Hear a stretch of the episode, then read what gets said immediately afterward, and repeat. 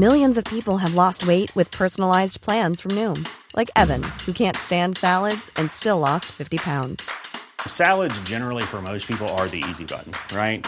For me, that wasn't an option. I never really was a salad guy. That's just not who I am. But Noom worked for me. Get your personalized plan today at Noom.com. Real Noom user compensated to provide their story. In four weeks, the typical Noom user can expect to lose one to two pounds per week. Individual results may vary. I'm Sandra, and I'm just the professional your small business was looking for. But you didn't hire me because you didn't use LinkedIn jobs. LinkedIn has professionals you can't find anywhere else, including those who aren't actively looking for a new job but might be open to the perfect role, like me. In a given month, over 70% of LinkedIn users don't visit other leading job sites. So if you're not looking on LinkedIn, you'll miss out on great candidates like Sandra. Start hiring professionals like a professional. Post your free job on linkedin.com/people today.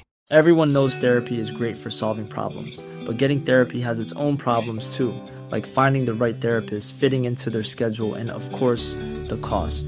Well, BetterHelp can solve those problems. It's totally online and built around your schedule. It's surprisingly affordable too. Connect with a credentialed therapist by phone, video, or online chat, all from the comfort of your home. Visit betterhelp.com to learn more and save 10% on your first month. That's BetterHelp, H E L P.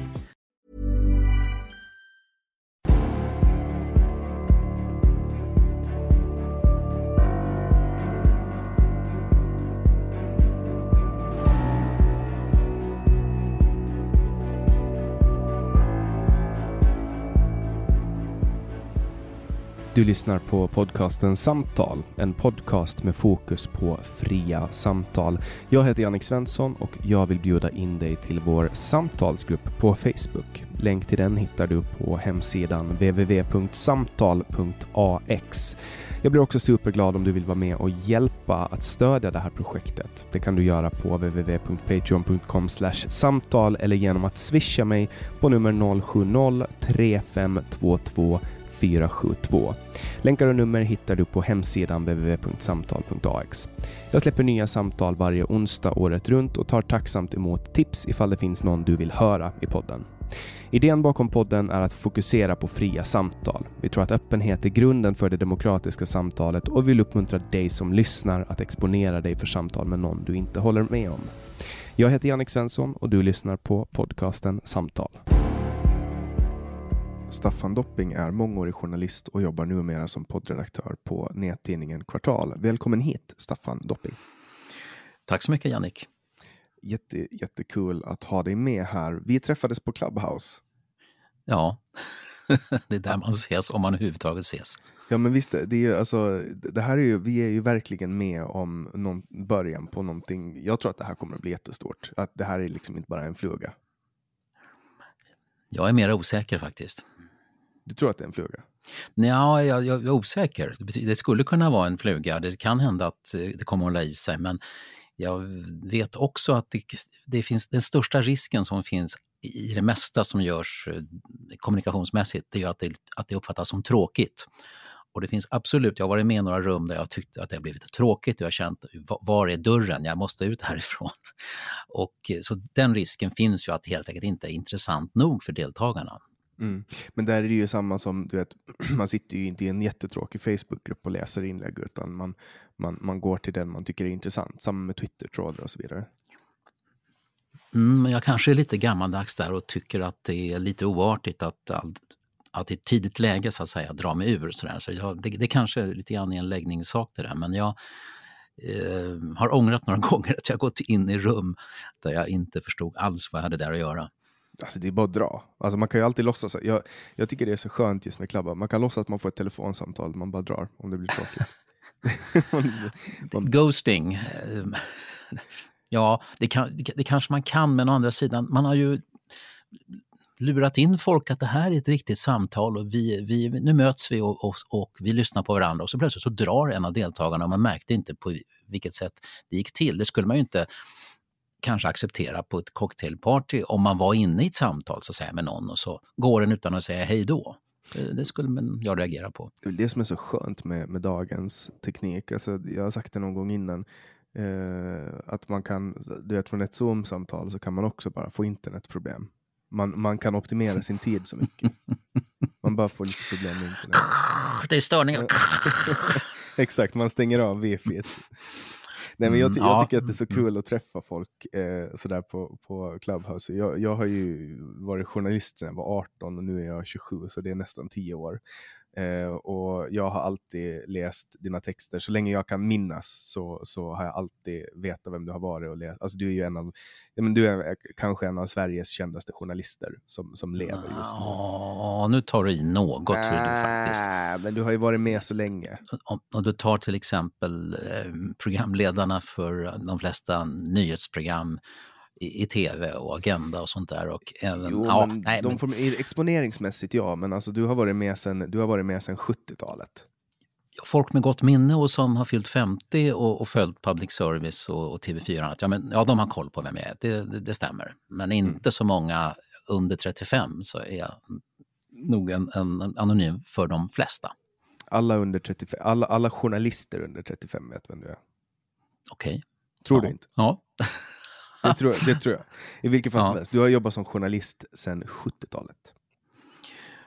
76 i december gick jag ut Journalisthögskolan och eh, 77 så började jag eh, jobba kan man säga, även om jag hade lite värnplikt sen, vilket var på Värnpliktsnytt i och för sig, så att jag var värnpliktig journalist. Så att, från 77.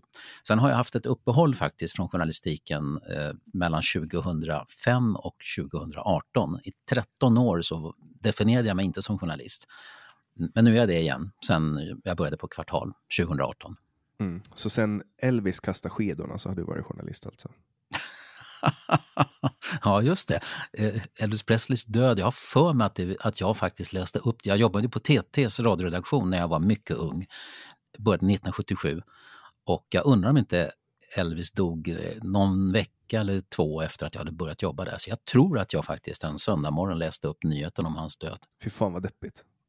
Vilket, vilket sätt att börja sin karriär. Alltså. Lä, läsa ut Ja, en så jo, vi- död. Liksom. Det är sant, men han var ju liksom inte på topp just eh, året innan där. Han hade ju expanderat på ett eh, oestetiskt sätt där några gånger. Han växte i Em- färdriktning så att säga. Fast han hade ju en sån här eh, comeback-konsert några år innan när han hade den här tjusiga svarta läderkostymen där. Och han fortfarande, då var han still going strong, men så kom han tillbaks med den här du vet, vita glittriga var det Aloha f- from Hawaii eller någonting? Och han, hade, han såg väldigt sjuk och uppsvälld ut. Jag undrar hur, hur, hur, hur han ska utvecklas, om han ska fortsatt leva. Jag tror att han ska ha kommit tillbaka och, och liksom tagit tag i sig, åkt in på rehab och kanske gjort här jättetyp trevlig, typ som Johnny Cash på slutet. Jag har inte järnkoll på hur det var för Johnny Cash på slutet, men Han gjorde så här mysig, han gjorde ju så här nine inch nails cover och lite sådana grejer. Ja, det var ganska värdigt. Så att säga. Mm, mm, ganska ja. värdigt. Men du har i alla fall, du har i alla fall upplevt eh, ett medielandskap som har skiftat flera gånger. Mm, Flera mm. nya medier som har introducerats och allting. Och jag tänker att med det som avstamp så lär vi inte ha jättesvårt att få ihop ett två timmars samtal. Men Vi får se. Jag, och jag har ju alltså inte hört på dina tidigare så att vi har haft snackat några gånger på Clubhouse. Eh, Jag vet inte så mycket om, dig men vi kör får vi se om det ryker. I- Det är ganska vanligt att folk tänker så här, men hur ska vi få ihop två timmar? För du vet, folk är jättevana med att det är en 15 minuters intervju och sen är det klart. Eh, eller att det är ja, men 10, 15, 20 minuter, som max då 30 minuter som, som SVT har börjat, börjat med nu. Mm. 30 minuters sändning, det är ganska mycket. Men på två timmar eh, tycker jag att man hinner med att riva ner den här muren. Eh, första timmen, första timmen och 15 minuterna är en mur av platåer, platity, platåer platityder och, och klyschor som man Ja. har övat in och sen försvinner de. Det Så ta en hel det- timme menar du att bli av med dem? Ungefär, alltså för att, vet, man, Ja. man har byggt upp dem under alla år. Jag kan tänka mig desto äldre man är, desto, desto mera har man byggt på dem. Jag vet inte om det är så. Men du, är konceptet att du intervjuar mig eller är det här ett samtal där jag kan ta över i princip och, och, och att det är du som är intervjustolen? Eller vad, vad är så formatet? Alltså, tänk, tänk att vi sitter på ett fik i Gamla stan och fikar. Jaha, det har ingenting med journalistik att utan vi bara möts där på ett fik helt enkelt? Ja, Aha. Vi bara mhm. pratar och jag är nyfiken Mm. och jag antar att du också är nyfiken i och med att du tackar ja. Ja, men jag kan inte frigöra mig från att det här är en poddprodukt som är tilltänkt för en publik. Och jag ska försöka att frigöra mig från det då. Men jag tänker ofta mottagare att det ska vara intressant och, det, det, och det ju, tänker man ju inte om man bara har ett snack med någon på en, på en bar eller en café, eller hur? Då tänker man ju bara på vad vi, hur vi ska ha det tillsammans. Men jag har Exakt. svårt att inte tänka på den där publiken som eventuellt finns där. Nej, och det är ju en, det är ju en yrkesskala för dig. Ja, Eh, ja, ja. Men, men jag menar, alltså en, del, en del är ju jättevana med att, att bara liksom konversera och samtala, och speciellt när jag poddar med andra poddare. Du, på, du, har ju, du driver ju poddar, flera poddar, var plural, Mm. för kvartal. Hur många poddar driver du?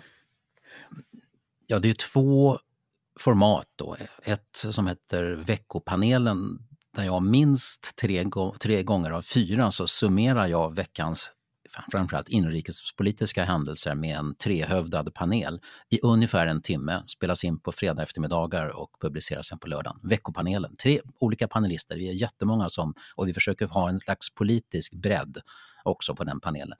Sen fredagsintervjun i det andra formatet eh, och vi har också då en gång i veckan och där gör Jörgen Wittfeldt då, som är min kollega och chefredaktör på Kvartal, han gör något fler fredagsintervjuer än jag. Jag gör väl kanske 40 procent av dem. Eh, så de två formaten, fredagsintervjun och veckopanelen, eh, jobbar jag med. Det är 85 procent av mitt jobb.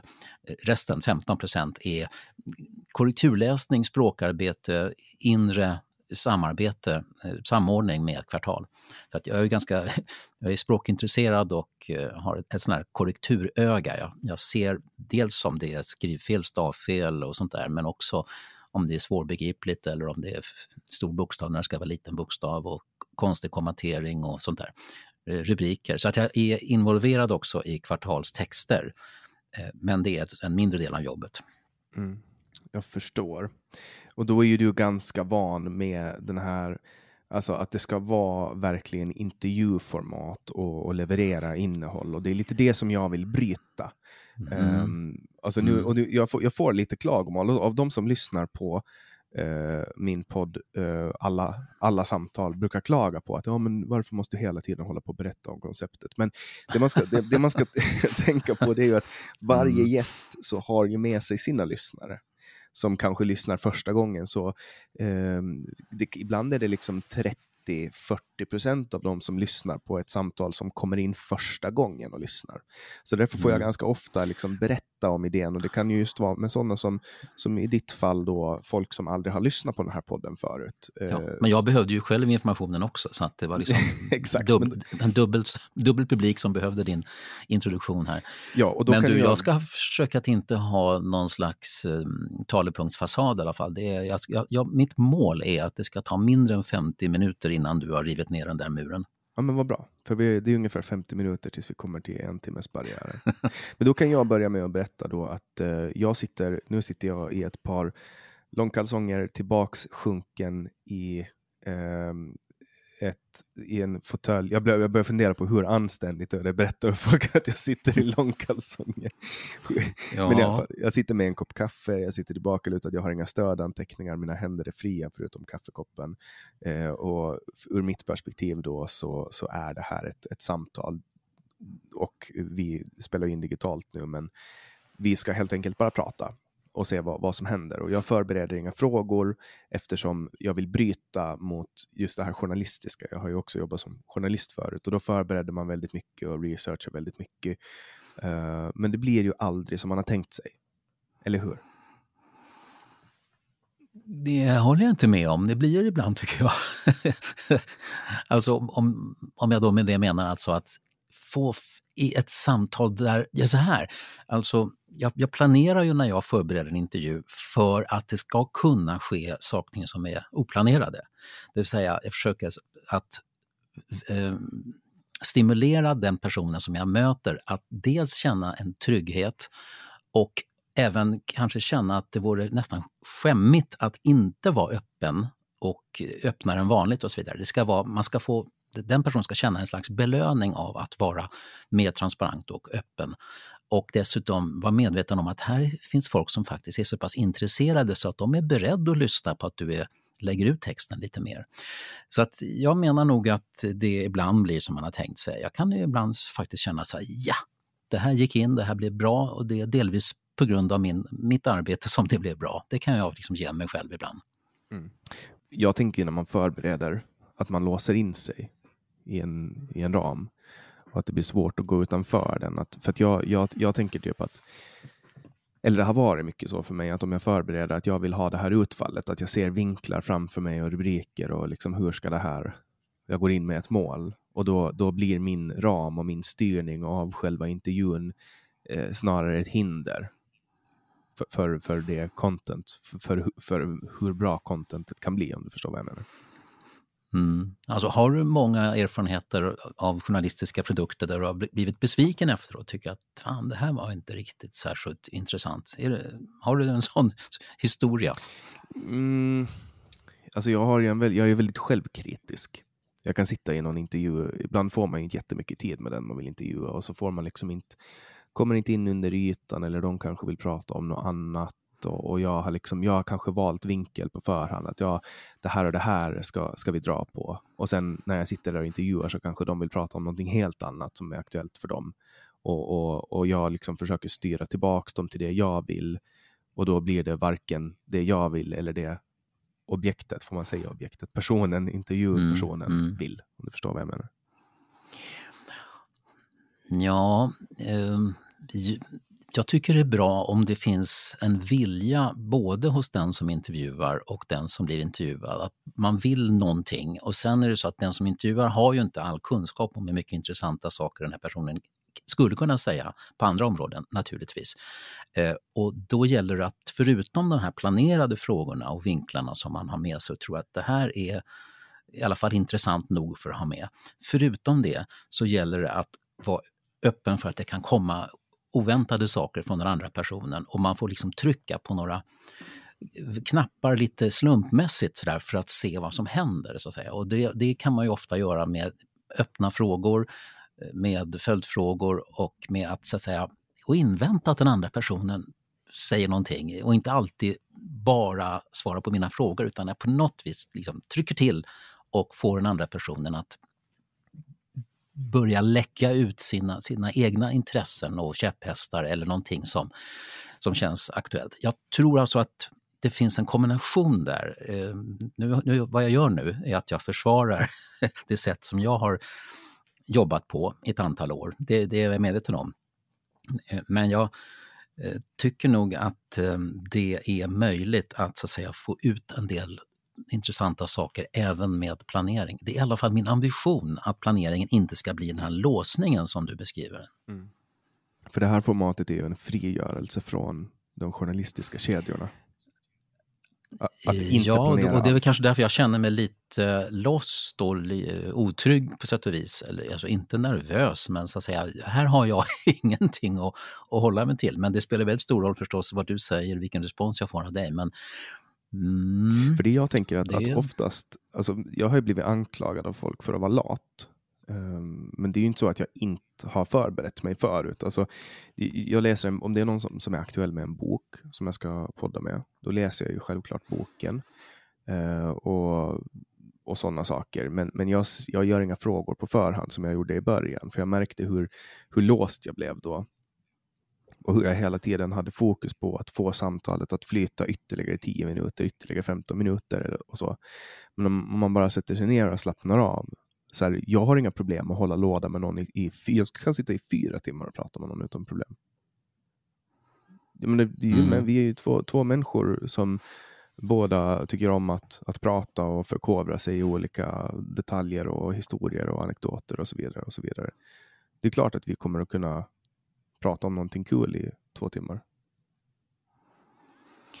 Mm, men ganska många människor har begränsad tid och tycker att eh, var hyggligt effektiv med den tid som är och då tycker, då, då, de flesta tycker inte att två timmar är lagom utan de tycker det är för mycket. Så att Men de lyssnar på andra på, poddar. Ja, ja, visst. Eh, men vi har fastnat för en timme ungefär på våra poddar. Alltså, ja, vi har, eh, vi har ett, andra, ett annat format också, den som heter Den svenska modellen som Jörgen Wittfeldt gör eh, som med mediefrågor. Så har vi en som heter Redaktionen tipsar. De brukar ligga kring 30 minuter någonting. Men annars är en timme är folk tar ju promenader och sånt där och eh, går ut med, ja, det här är på helgerna som vi, så alla våra poddar kommer ju på fredag eller lördag. Så en timme är lagom för dem. Så att, men det här är ditt val, Jannica, att det ska vara så här två timmar och då, då kör vi så. Mm. Då kör vi så. Ja, och, det är lite, alltså, lite äventyrligt. Jag tror att du skulle bli förvånad om du såg hur många som faktiskt lyssnar på hela samtalet slut. Jag tror, jag tror att eh, kvartal skulle ha stor, eller kvartalslyssnare skulle ha stor behållning av riktigt djupa samtal. För det är ju där, jag, jag, mm. magin, magin händer efter en timme ungefär. Men, men nu, har vi, nu har vi kört lite metasnack i 20 minuter. Och det blir ju mycket, ja. det blir mycket metasnack, speciellt när man poddar med poddare. Ehm, jag har ju poddat med, man, man återanvänder varandra liksom. Det går runt, runt, runt. Här. Mm. Cirkel. Mm. Men det är ju för att poddare är bra på att podda och det är alltid lätt att få en annan poddare att podda med en. Så att, eh, men om, om vi börjar med att gå tillbaka till 1970-talets Sverige. Du fick ju uppleva Eh, du fick ju uppleva radions storhetstid, tryckta medias storhetstid eh, och sen har du fått se liksom en hel rad av olika teknologier. Eh, fax och skanner och datorer och internet och, och eh, sen har liksom Twitter, Facebook och allting kommit. Eh, du har liksom varit med om hela den här evolutionen av nya medier. Mm. Ja, hur, eh, hur, var, var, känner du att journalistiken var som mest journalistik? Var det på 70 80-talet när man satt med en hatt och ett presskort i och satt och rökte cigarr och drack whisky bakom en skrivmaskin? Ja, alltså jag var ju då för det första väldigt ung då och eh, inte så etablerad. Jag menar, och dessutom så hamnade jag relativt snabbt i en slags eh, pop radio på Radio Stockholm. På 80-talet så gjorde jag ju, var lite av popsnöre där eh, och hade inte riktigt eh, ögonen på ska vi säga, eh, den politiska samhällsjournalistiken helt och hållet. Men för det första så kom jag in i radio när vi, det var monopol för både radio och tv. Det var ett statligt monopol, eller stats statreglerat. De var extremt angelägen om att det här är inte statlig radio och det är inte statlig tv. Eh, men det är reglerat på ett sätt där staten är inblandad, men vi är helt oberoende och så vidare. Det där tugget känner ju alla till och det är väldigt väsentligt för självbilden. Men också att tidningarna var ju så pass framgångsrika. Jag kommer ihåg Expressen som jag växte upp med och läste redan som 14-15-åring efter skolan eh, som kostade 50 öre och det var en tjock tidning. 600 000 sålda exemplar kommer jag ihåg att det var eh, per dag när Expressen var som störst. Och eh, så Expressen och de andra eh, eh, dagstidningarna och jag har inte så mycket koll på landsortstidningar men det fanns ju jättemånga tidningar över hela Sverige som var jätteviktiga. Och så monopol, radio och tv. Och nu talar jag alltså om slutet på 70-talet och början på 80-talet. Det gick bra att finansiera dagstidningar med annonser. Eh, och DN till exempel hade ju enormt mycket eh, platsannonser för, för arbeten och även en massa eh, folk som sålde katter och hundar och gamla skrivbord och sådana saker. Fick man betala någon krona då? Eller? Ja, det var man, man, betalade för varje sån liten annons. Alltså. Det kunde kanske kosta 25 mm, kronor att få in en annons, liksom att äldre mahognyskrivbord eh, säljes, liksom, telefonnummer. Och då betalar man i någon kiosk eller? Det, mm, Hmm, jag, vad jag kommer ihåg från den tiden var att man, off, man skickade ju brev till tidningen med manuset och så kunde man betala med hjälp av frimärken. Man lade alltså ner frimärken för 25 kronor i kuvertet och skickade in en, litet, en papperslapp det kunde vara handskriven alltså, där det står mahognyskrivbord. Och så postar man det till Dagens Nyheter eller Svenska Dagbladet eller andra tidningar. Wow. Och så blev det publicerat några dagar senare. Och så senare. använde de frimärkena eller löste de in dem? Ja, eller? de kunde lösa in dem på posten till kontanter så att säga, eller få in det på sitt konto. Så fri, det var den tidens Swish kan jag säga. Det var inte så snabbt va, men frimärken kunde man använda till lite av varje. Eh, på den kunde tiden. man gå till Plattan och köpa sig en sil heroin med frimärken tror du? Sannolikt var det, var det möjligt också. Så att, eh, och det var ju radio som jag jag blev inte journalist för att jag ville förändra världen som ju många har haft som drivkraft, utan jag blev journalist för att jag ville höras i radio. jag ville använda den här magiska tekniken för att mänskliga röster skulle kunna skickas genom luften och komma ut i, i hemmen hos folk. Det var den, så att det var rätt mycket det tekniska och det ljudmässiga och rösterna som jag hörde i radion när jag var ung. Det var det som var min fascination och det är kanske också en förklaring till att jag tycker det är så kul att göra poddar för att det är liksom tillbaka till det som gjorde att jag gick in i den här branschen en gång i tiden. Eh, men sen har jag ju då eh, verkligen gjort enormt många olika saker. Alltså det, jag nämnde att det var lite, lite popsnöre, alltså jag var lite diskjockeymässig kan man säga på Radio Stockholm, framförallt 83 till 86 när vi gjorde ett program som hette Sommarpuls och Storstadspuls. Men innan dess hade jag varit på TT och läst nyheter, gravallvarliga telegramnyheter. När jag var 21 år gammal började jag på TT. Eh, och eh, sen gjorde jag ju i och för sig också nyheter på, på Radio Stockholm ett tag, men jag vantrivdes där och så blev jag lite mera eh, popsnöre. Sen har jag varit tillbaka, till, sen gjorde jag ju pop-tv 87. Då, då, var jag liksom, då blev jag tv-face och gjorde programmet Listan och det var det absolut mest ytliga som jag har gjort i hela mitt liv. Och jag ångrade mig väldigt snabbt och därför att jag tappade den lilla respekt för mig som seriös journalist som kanske fanns efter åren på Radio Stockholm, den åkte ju rakt ner i källan när jag blev eh, popsnöre i tv också med min roliga frisyr och sådär. Eh, så att, eh, och sen har jag då kommit så småningom till TV4. Jag var med på när TV4 började, då var jag nyhetsreporter. Kultur och nöje visserligen, så jag hade liksom lite, det var lite ytligt oseriöst där också. Men sen var jag med och startade Studio 1 på Sveriges Radio 1993. Jag var en av programledarna från starten där. Och då blev det ju seriöst igen eh, av bara den. Så att om man tittar på vad, sen har jag också varit informationsdirektör i Försvarsmakten, men det var ju inte ett journalistiskt jobb. Så att om man, jag tittar själv tillbaka på min karriär så undrar jag, vad fanns det för riktning? Fanns det någon röd tråd? Hade jag någon linje? Svar nej. Du har bara hoppat mellan olika redaktioner? Ja, eh, och eh, delvis har det berott på min egen eh, virrighet. Att jag faktiskt inte vis jag visste att jag ville att jag ville höras på något vis och jobba muntligt. TV var inte ett mål, även om det var kittlande liksom, att folk skulle se en på TV, men radio var spännande nog. Men sen är det klart att min bana är ju inte bara beroende av vad jag själv vill göra, utan är också beroende av vad de här olika medieföretagen var beredda att, att använda mig till, vad de tyckte jag passade för. Så att det där är ju liksom, jag kan ju inte liksom tvinga mig på att ta ett jobb om de inte vill ha mig där.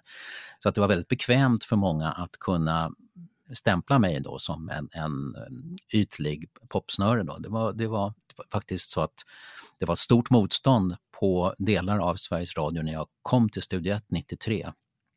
För jag hade kvar då en del av det här popsnöre-ryktet. Trots att jag hade varit på TV4-nyheterna så hade jag kvar det där. Så jag vet ju, folk har ju berättat det för mig, att det var relativt tydlig opposition mot att jag skulle få komma in på, på Studio 1 när det startade.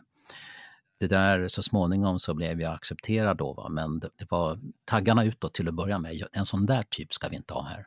Bara för att du har jobbat med, med pop liksom? Ja, och de hade ju inte koll på att jag, jag var på TTs radioredaktion och var eh, grötmyndig och gravallvarlig 1977 eh, till 80. Det hade de ingen koll på utan de, de såg bara den här personen med, med fånig frisyr och, och som, som pratade snabbt och spelade popmusik. Bilden av att en människa är ganska endimensionell, den bilden är relativt spridd hos många medieredaktioner och journalister, tyvärr. Alltså den här frisyren som du hade då är ju episk. Jag, jag sökte på dig nu. Uh, ja, ja, ja, jo, jag såg rolig ut. Ja, alltså det, jag var mycket det framgångsrik med John Travolta. Är det någon som har sagt det till dig förut? Nej, jag har faktiskt intervjuat honom Oj. Eh, för Radio Stockholm. När han gjorde sin uppföljaren till Saturday Night Fever, hette Stayin' Alive. Och eh, då kom han till Stockholm och gjorde marknadsföring för den. Då intervjuade jag honom på Grand Hotel, kommer jag ihåg. Jag var supernervös. Eh, och, eh, men han var trevlig. Eh, och så. så att, nej, John Travolta, men jag, jag, jag försökte ju göra vad jag kunde med mitt hår och ehm, det var jag själv som var, tycker jag, nog upphovsmannen till frisyren. Det var inte så att jag liksom gick till experter på, på hårfrisyrer och sa gör vad ni vill, utan det var jag som gjorde det där. Ja, det finns, det en, det finns en, en, bild på dig när du står med en fjärrkontroll, en svartvit bild med händerna i kors med en fjärrkontroll. Ja. Det liknar mm. supermycket på John Travolta. Eh, jaha, säger det. Ja, jag vet vilken bild du menar och eh, det, var, det där var en idé av mig själv. Jag ska se ut som James Bond lite grann. Eh, han stod ju på precis det här viset eh, med armarna kors och så höll han ju en, en pistol i ena handen som riktade upp diagonalt uppåt.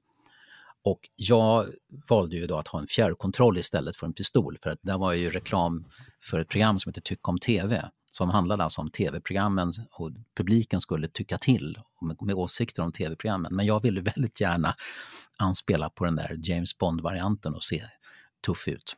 Ja. Så James Bond och, och, John Travolta då i samma person. Ja, men det, är nog, alltså, det, är nog, det är nog säkert därför som uh, jag, sa, jag berättade till min pappa att jag skulle, att jag skulle spela in med dig. Och, och då var han så här, oh, han, han, har inte, han har inte sett av på länge, hört av på länge. Så han har antagligen sett dig på de här nöjes-tv, för han, han, är, han är född uh, 64, 65. Så han borde ju ha sett ja. dig uh, på, på tv när du hade de här popgrejerna.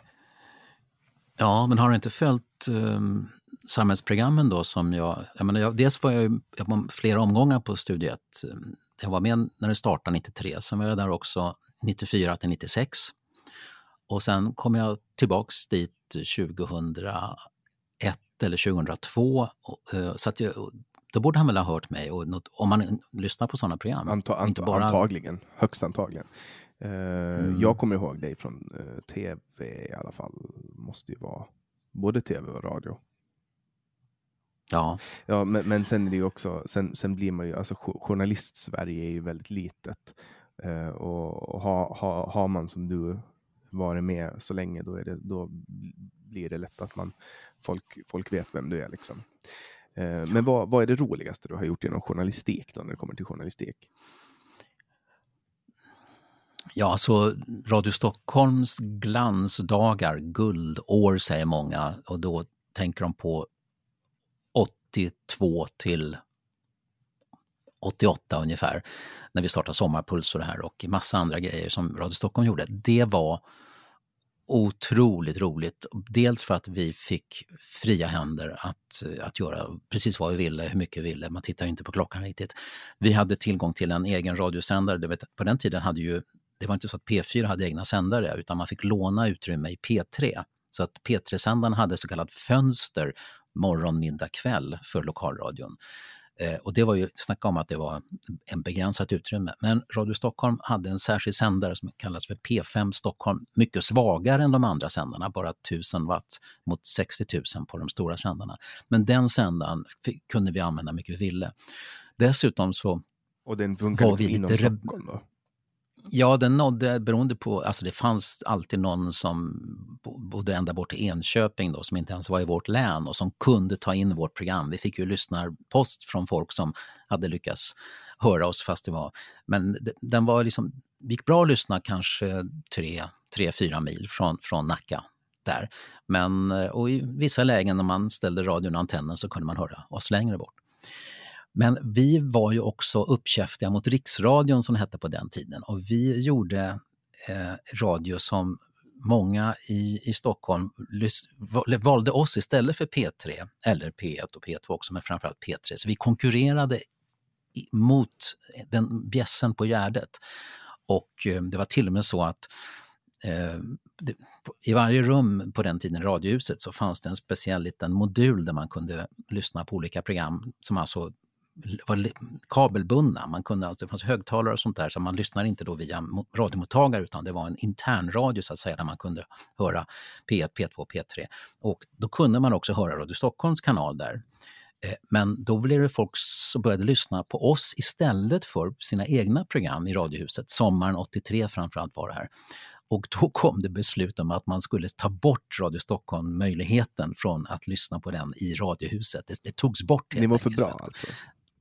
Vi var för bra och för lockande och sådär. Och det där stimulerade ju oss, vår känsla av att vi faktiskt kunde ge den här kaxiga, tröga, tungfotade eh, bjässen på Gärdet en match med våra små resurser eh, och sånt. Och vår geist och vår lekfullhet som vi hade där, det gänget som, som gjorde program på Radio Stockholm. Då. Det var otroligt. Så det, det är bland det roligaste som jag har gjort faktiskt. Men också när jag kom till Studio 1 93 och faktiskt lyckades komma över den här tröskeln av misstro mot mig för att jag då inte skulle vara en seriös journalist eftersom jag hade haft så rolig frisyr i TV. Och jag, trots motståndet då i Radiohuset, fick komma in och göra det där programmet och gjorde det bra också. Det var en otrolig, det, det var mycket, det var rätt mycket smärta i att känna sig sådär ovälkommen i, från framförallt vissa personer på Ekot. Men det var ju också en, en revansch för mig eh, för, som var otroligt viktig. Faktum är att jag 1989 eh, då hade jag hoppat av det här programmet Listan för att jag kände att jag vill inte hamra in den här bilden av mig som en ytligt popsnöre. Jag vill ju kunna göra seriös journalistik i framtiden och det såg omöjligt ut för mig att göra det. Eh, och då hade jag liksom lite olika småjobb efter det där, 88, 89 och en hel del sådana här lite diskjockeyjobb och konferencier på modevisningar och sånt där som gav bra extra knäck men absolut inte inom det område jag ville jobba. Och jag kommer ihåg eh, att jag hade ett extra knäck eh, på Melody som var en rockklubb vid eh, nära Stureplan. Det här var 89, jag tror det var april men inte helt säker. Och då, var jag, då fick jag svarta pengar, 8000 kronor kommer jag ihåg att det var. Eh, alltså svarta pengar. Det, det, jag, jag är emot sånt, men jag, jag, tog emot det. Och då stod jag där på och det var en, det var en modelltävling sa de, men det var mest som, eller modetävling. Det var som en skönhetstävling i alla fall. Och det var en jury med kända personer eh, ganska berusade, kommer jag ihåg att hon var. Eh, det var helt fullt med folk där inne. Och jag hade en glittrig kavaj och, och eh, försökte vara eh, rolig och charmig och, och, och sådär. Och sen, jag kommer ihåg att jag sa till mig själv efter den här kvällen, och, trots, och det var bra betalt, jag sa så här, Staffan, inga fler fnaskjobb. Om du ska kunna liksom få seriösa radiojobb eh, Eh, och bli trovärdig för det så kan du inte hålla på med den här typen av jobb som är precis motsatsen till det som du vill göra. Sa jag till mig själv. Det är en bra dialog som jag står för både person A och person B. Jag, fatt, jag, jag sa det till mig själv i skarp ton, ungefär som Pippi Långstrump sa till sig själv på skarpen. Och ja, det, innebar, det innebar att jag sa nej till sådana jobb eh, trots att det var bra pengar. Eh, och det här var alltså 89. Året efter fick jag jobb på TV4 som jag nämnde. Jag kom hit när TV4 startade, jag blev kultur och nöjesreporter. Det var en liten bit på väg, för det var, då var jag ändå journalist och reporter, även om jag nog hade nytta av den här frisyren och det skulle vara lite uppkäftigt och sådär. Men det var ett steg på vägen 1990. Men sen 93 då när jag eh, fick jobbet på, på Studio 1 som då startade eh, för, eh, för första gången. Då hade det gått fyra år från den här gången jag stod på Melody och sa inga fler fnaskjobb. Och då tänkte jag, det tog fyra år av så att säga, avhållsamhet att jag tackar nej till jobb som är, går i den här underhållningsriktningen.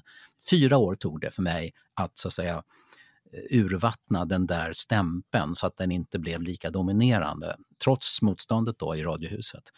Och de där att jag gjorde det här i fyra år eh, faktiskt och sen så småningom blev respekterad som seriös journalist. Det är ju liksom en av mina största segrar får man säga. Mm. Jag var i kris då helt enkelt. Jag var i stor identitetskris och tyckte att det var sorgligt att känna sig underkänd av så många arbetsgivare inom journalistiken för att att jag hade varit den här glada popsnöret. Men känner du så här i efterhand att det har varit en del att forma dig till den journalist som du är idag? Ja, det tror jag för att, eh, eller så här, inte det här popprogrammet Listan, det var, det var kul på sitt sätt. Jag hade bra samarbete med Annika Jankell som är en god vän. Eh, men det jag lärde mig, någonting som jag tyckte att många i P1 var dåliga på när jag kom dit, det lärde jag mig på Radio Stockholm de här åren när vi gjorde alla dessa direktsändningar. Och jag gjorde ju både jag var programledare i studion de sista åren, va? men i, i, flera år så var jag den mesta HF-reporten som man brukade kalla dem som direktsände från stan då med sån här ryggsäck med antenner och grejer. Eh, och, och, plus att jag kunde både göra manus radio och totalt improviserad radio och hade också nytta av min förmåga på TT att faktiskt sammanfatta nyheter och, också och att eh, eh komprimera berättelser och ta fram det väsentliga och sådär. Så jag tyckte att, ja, jag hade, och även lättsamheten och förmågan att faktiskt eh, inte vara tråkigt gravallvarlig. Ja, det drog jag nytta av och det, idag så anses det vara självklart att man kan ha mera lättsamt på P1, men så var det inte 93. Det var lite grann som en gravkammare. Så visst, det har format mig. Eh, den här, det har det gjort. Men eh, som sagt var, det är rätt mycket kantigheter på vägen och jag har förresten på min, jag har en egen hemsida, staffandopping.se, som, som jag inte egentligen säljer någonting genom utan men jag har en egen berättelse om, om min karriär. Eh, min, min Mm, yrkesbiografi i kronologisk ordning heter det där och jag har lagt in en massa bilder från den här tiden och där beskriver jag alla, alla de här motgångarna eh, och de mindre lyckade eh, stegen som jag har tagit på, på den här vägen och också det som har varit bra. Va? Eh, ja, det blev som det blev alltså, men det har varit jävligt jobbigt en hel del faktiskt. Mm. Och sen kom ju internet börja smyga sig in i mitten på 90-talet och datorer som, mm. som verktyg. Var det en, en, en, progressiv insmältning i vardagen eller kom det som en smäll helt plötsligt? Att nu ska vi bli da datordrivna liksom? Nej, det kom inte som en smäll. Alltså, det var verkligen smygande. Eh, det var, jag kom, och eh, jag var ju då 95 och 96 var jag på Studio 1 eh, för andra gången. Och Eh, det hade ju väldigt liten betydelse då, internet, för det vi gjorde. Försiktigtvis så började man lägga upp viss information om, om Ekot och Sveriges Radio på, på internet trots att de flesta... Jag kommer ihåg att jag gjorde ett jag gjorde Studio 1 var också ett morgonprogram eh, faktiskt 1995 och 96 och eh, 2 januari, jag tror det var 96, 2 januari första programmet det året, då hade jag en, en, panel som bara skulle tala om, om, om internet och jag hade det här, du vet, det här modemljudet. Ja, det där, vad det nu var, hade jag som start då och då var det fortfarande så att det kanske var 10% av befolkningen eller 15 kanske högst som hade skaffat ett modem till sin dator för att det var så pass torftigt innehåll och sådär. Så då gjorde jag ett program där vi berättade om det här nya, nya stora då.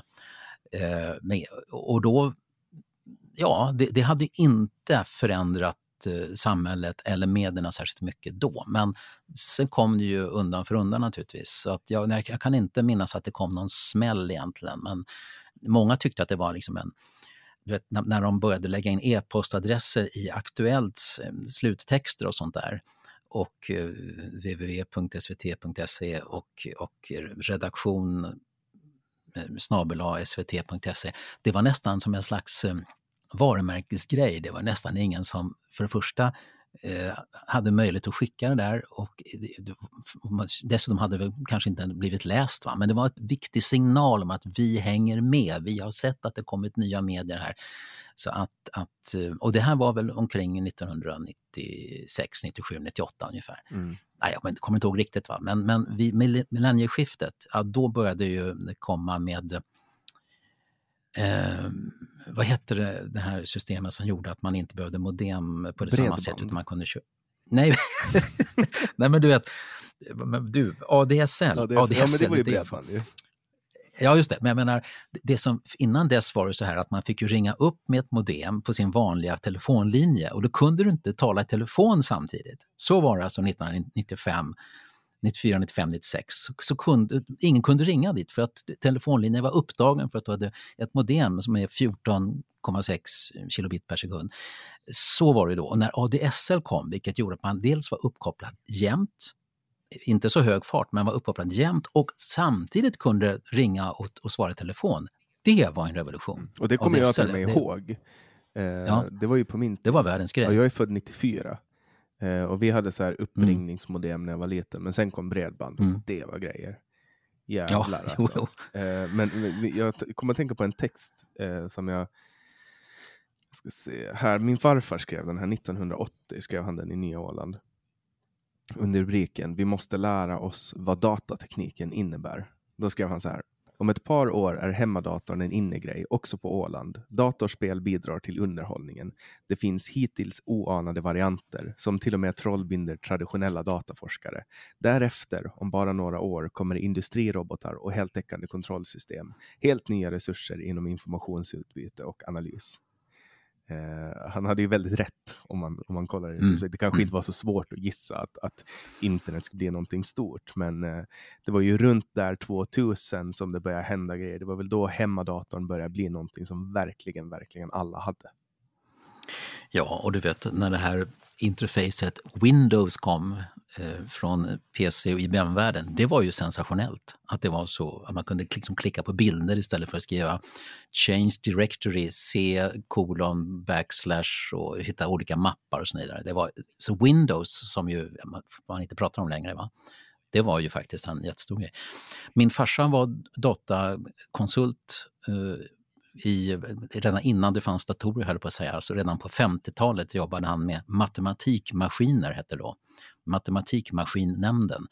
Så att, eh, och han var, precis som din farfar då, eh, tidigt förstod en massa saker av det som skulle hända. Så han skrev ett antal böcker om, om datortekniken.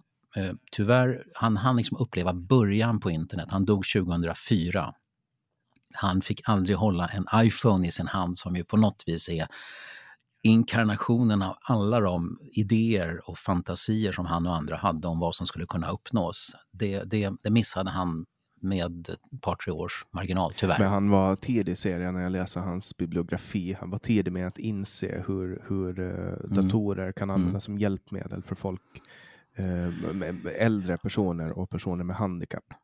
Uh, ja, skrev... framförallt sista åren så tittade han mycket på just handikapptillämpningar av, av datatekniken. Där kände han att det fanns en fantastisk potential. Ja, tråkigt att han inte fick, fick vara med och se det. Här finns två böcker böcker. 91 skrev han en bok som hette Datorstöd bostad för äldre och handikappade personer och sen informationsteknik. Google är fantastisk. Ja, eller hur?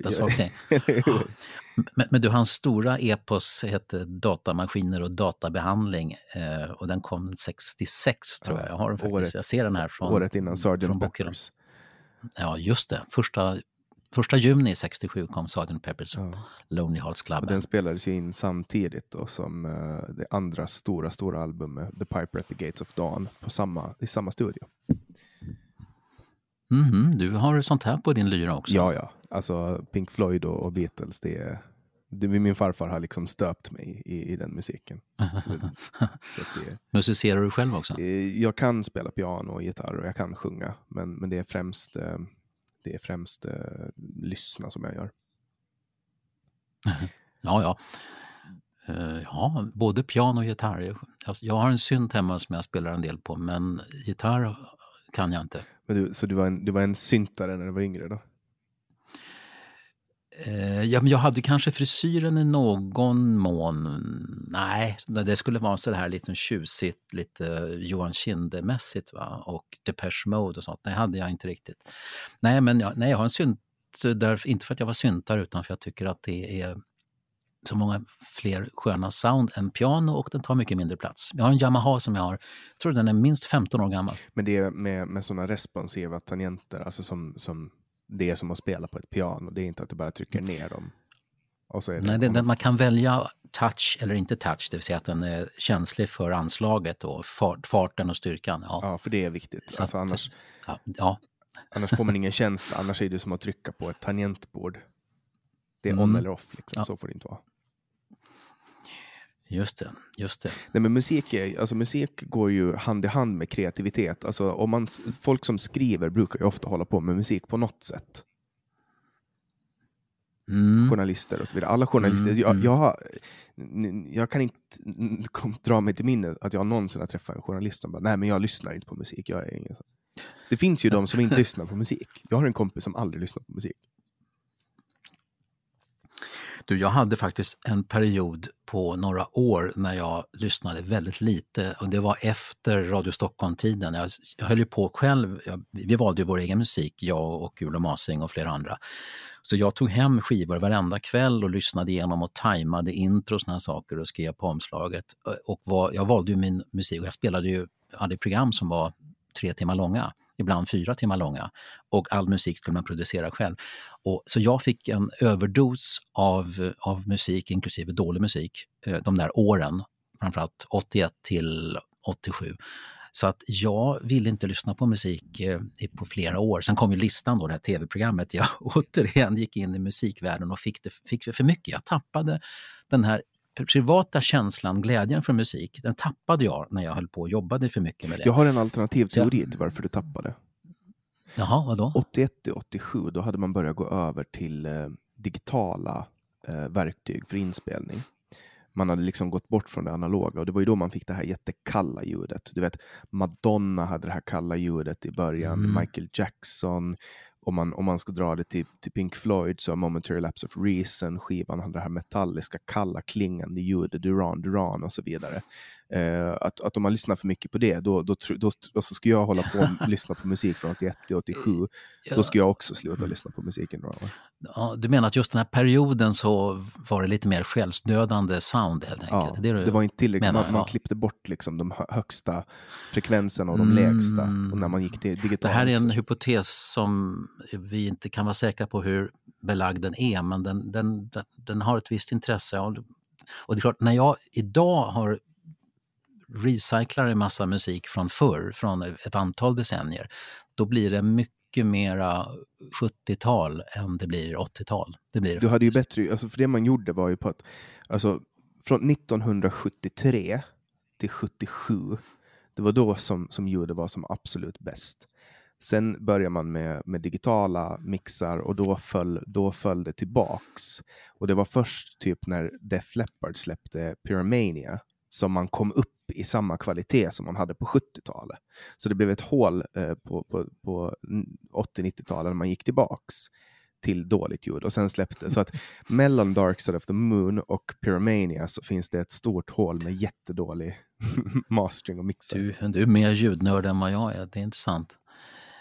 Um, så jag, jag, tror att den ja, hypotesen kan jag, hålla. så jag, jag, vet inte. Ja, ja, och du, de här åren som jag satt och körde plattor på Radio Stockholm, 83 började vi Sommarpuls som blev en jättesuccé. Men redan innan dess så gjorde Ulle Masing och jag jättemånga morgonprogram som vi självkörde eh, och som också valde i början vår egen musik, har jag för mig. Och vi satt ju och körde vinyl, du vet, med sådana här stora grammofoner som man man backar och ställer in precis när ljudet börjar på först på låten och sånt där. Så vi, körde, vi hade tre stycken skivspelare då när vi självkörde för att vi, man skulle liksom hinna ladda skivor. Det var ett jäkla stress. Dessutom körde vi ju nyhetssändningarna och sånt där och kopplade in väderprognoserna från Berga och allt möjligt.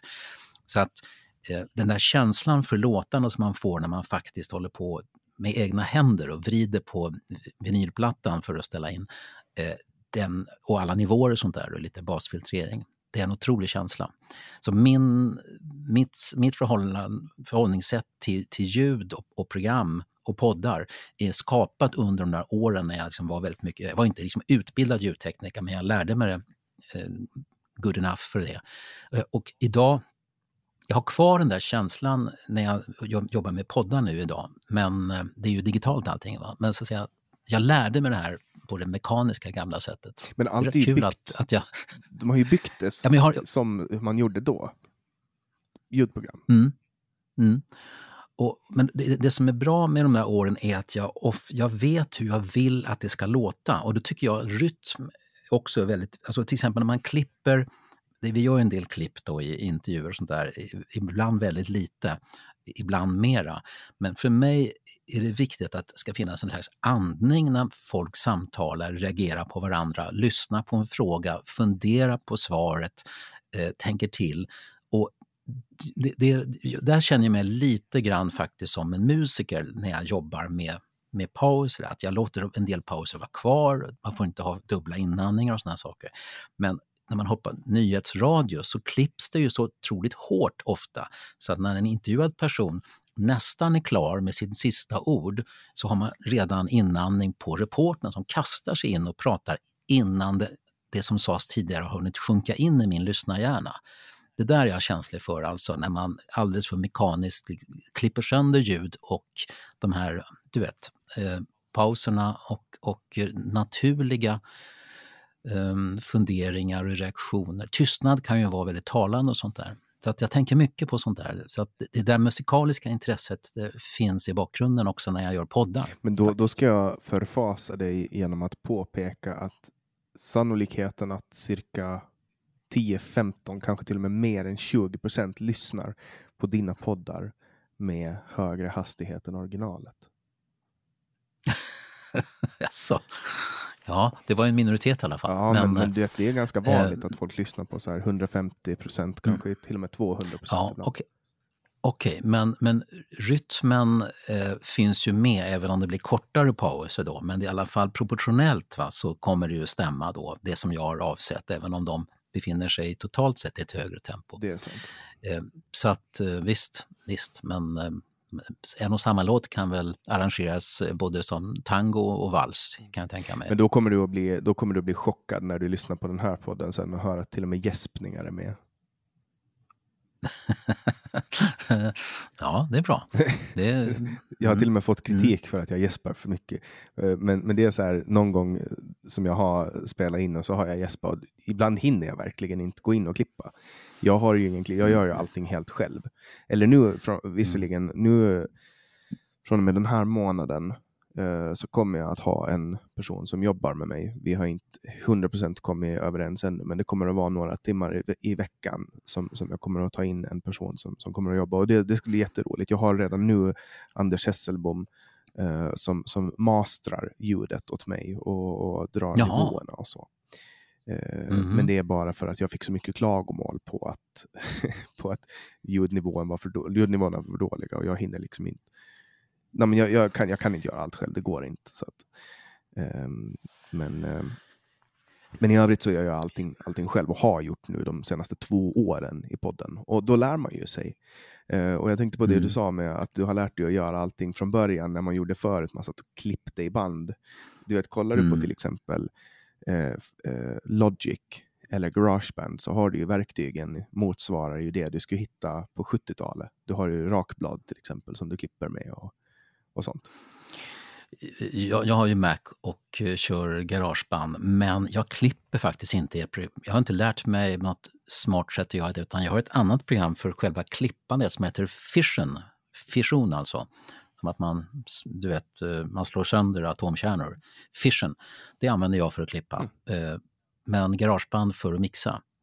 Eh, jag är inte säker på att det är det bästa sättet att göra det, men, men jag gör så. När jag gör fredagsintervjuer och även Jörgen Wittfeldt så då gör vi allting själva. Mm. Helt alltihopa och mixar det med, med temamusiken som vi har. Men när vi gör paneler och har flera gäster, då har vi Eh, en ljudtekniker, en frilans, som, som mixar ihop det hela. Mm. Sen finklipper jag efteråt. Jag, har ju, jag använder, man kan ju gå in och så kan du keymappa på Garageband. Jag använder Final, nej men inte Final Cut, jag använder jag klipper video. Eh, Logic Pro, eh, Logic X Pro, eh, som är liksom mm. klippvarianten. Och de producerar musiken också, klippa Mac, Mac. för att se. Eh, men där har jag mm. keymappat allting så att jag använder A, S och D för att eh, liksom gruppera spår så att man kan klippa i båda samtidigt och behålla synkningen och, och liksom eh, ta fram pointer tool och rakblad och allting. Det är jättesmidigt. Du, du, du, du, har, eller du är en fiende till public service på Åland, har jag förstått, eller hur? Ja, ja eller public service i allmänhet. Jag tycker inte att det, I allmänhet? Jag tycker att det har spelat Aha. ut sin roll. Är du lite Aron Flamsk i din syn på public service? Ja, det kan man väl säga. Jag gillar att, att um, public service-fientlighet, alltså Aron Flam uh, avskyr public service så mycket så att när man pratar om att lägga ner public service så tänker folk på Aron Flam. eh, nej men det mm. måste jag säga kanske att jag är. Jag är ju, han har ju varit med i podden och jag har varit med i hans podd och, och jag vill ändå liksom uh, Ja, men jag har tagit efter mycket av honom. Han, han kommer ju med mycket bra bärande argument.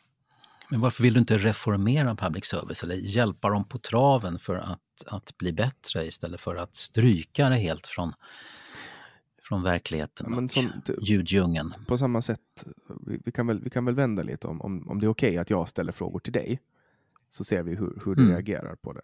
Så att om, mm. om, om jag nu är då Sveriges riksdag, jag representerar Sveriges riksdag och regering, jag är diktator Och så säger jag till dig då som journalist att ja, men nu, nu ska Sveriges, eh, nu ska staten starta en egen tidning. Vad tycker du om den saken? Vi ska starta en tidning. Starta en tidning? Ja, tryckt tidning. Um, jag tycker väl så här, det beror på om det är typ anslagstavlan att nu ska vi uh, ha myndighetsinformation om Försäkringskassan och uh, Nej, nej, nej, vi ska ha kultur, vi ska ha nöje, vi ska ha allt. Ja. En, en, en, allmän tidning generellt. Yes, vi ska täcka allt. Berätt. Nej, det, ja, ja, nej, det tycker inte jag att, att den politiska makten ska, ska ägna sig åt det. Varför det tycker inte? jag inte. ja, det, det är ju min syn på demokrati som och handlar rätt, rätt mycket om, om, eh, maktfördelning och att det ska finnas ja, checks and balances som de säger i USA. Och eh, där har ju eh, massmedia den rollen att, att vara en slags kontrollör, inspektör och granskare och berättare av vad som händer, oberoende berättare, oberoende från den politiska makten i alla fall och, informera människor. Informationsuppgiften tycker jag är den viktigaste.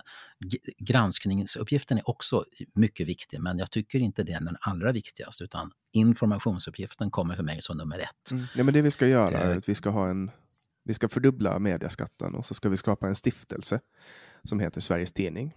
Och så ska, ska den stiftelsen få sina pengar från regeringen. Men vi ska fortfarande ha den här tidningen då. Anställa massa journalister. Vi ska ha ett jättestort hus på Gärdet. Försöker du lura in mig här på något slags resonemang som ska sluta i att vi, man måste lägga ner Sveriges Television och Sveriges Radio också? Jag, jag, tänker, jag bara tänker, vi ska starta en tidning. Staten ska starta en tidning. Varför inte? Ja, det är av principiella skäl för att jag tror att demokratin skulle fara väldigt illa av att det kommer att både så att säga makten att bestämma över utvecklingen och makten att informera och skildra, beskriva den utvecklingen. Nej, nej, men nu missförstår det, du mig. Det ska vara en stiftelse som tillsätts av regeringen, vars styrelse mm. tillsätts av regeringen. Den ska vara beroende av statliga pengar, men den är helt oberoende. Ja, mm, ja men fortfarande så har jag en känsla av att du försöker få in mig på vissa vägar, men det är tillåtet i ett samtal att göra så. Um, men den är helt det... oberoende, alltså den här tidningen, den är helt oberoende från regeringen. Mm, mm. Men jag förstår. Min uppfattning är att även om det alltid finns påverkansrisker när det är eh, politiker som fattar rambeslut som sen leder till att man har ett, ett medieföretag, vilket vi då har tre stycken i Sverige, så är det inte så att hela eh, styrningen så att säga sker den vägen, utan ett företag ska, skaffar också sin egen kultur eh, och vilken typ av personer och, eh, och, och programattityder eh, som, som man gillar. Det vill säga en hel del av det som vi ser i public service-företagen är faktiskt skapade på företagen, inte därför att de har liksom en pengar kommer via, via, via staten, utan det finns eh, all makt korrumperar så, så, att, och det finns vissa kulturer och aspekter som, som belönas extra i de här företagen. Så att det är en intrikat samspel på, som leder till jag vet inte vart jag vill komma med det här, men, men vad jag egentligen vill säga är att jag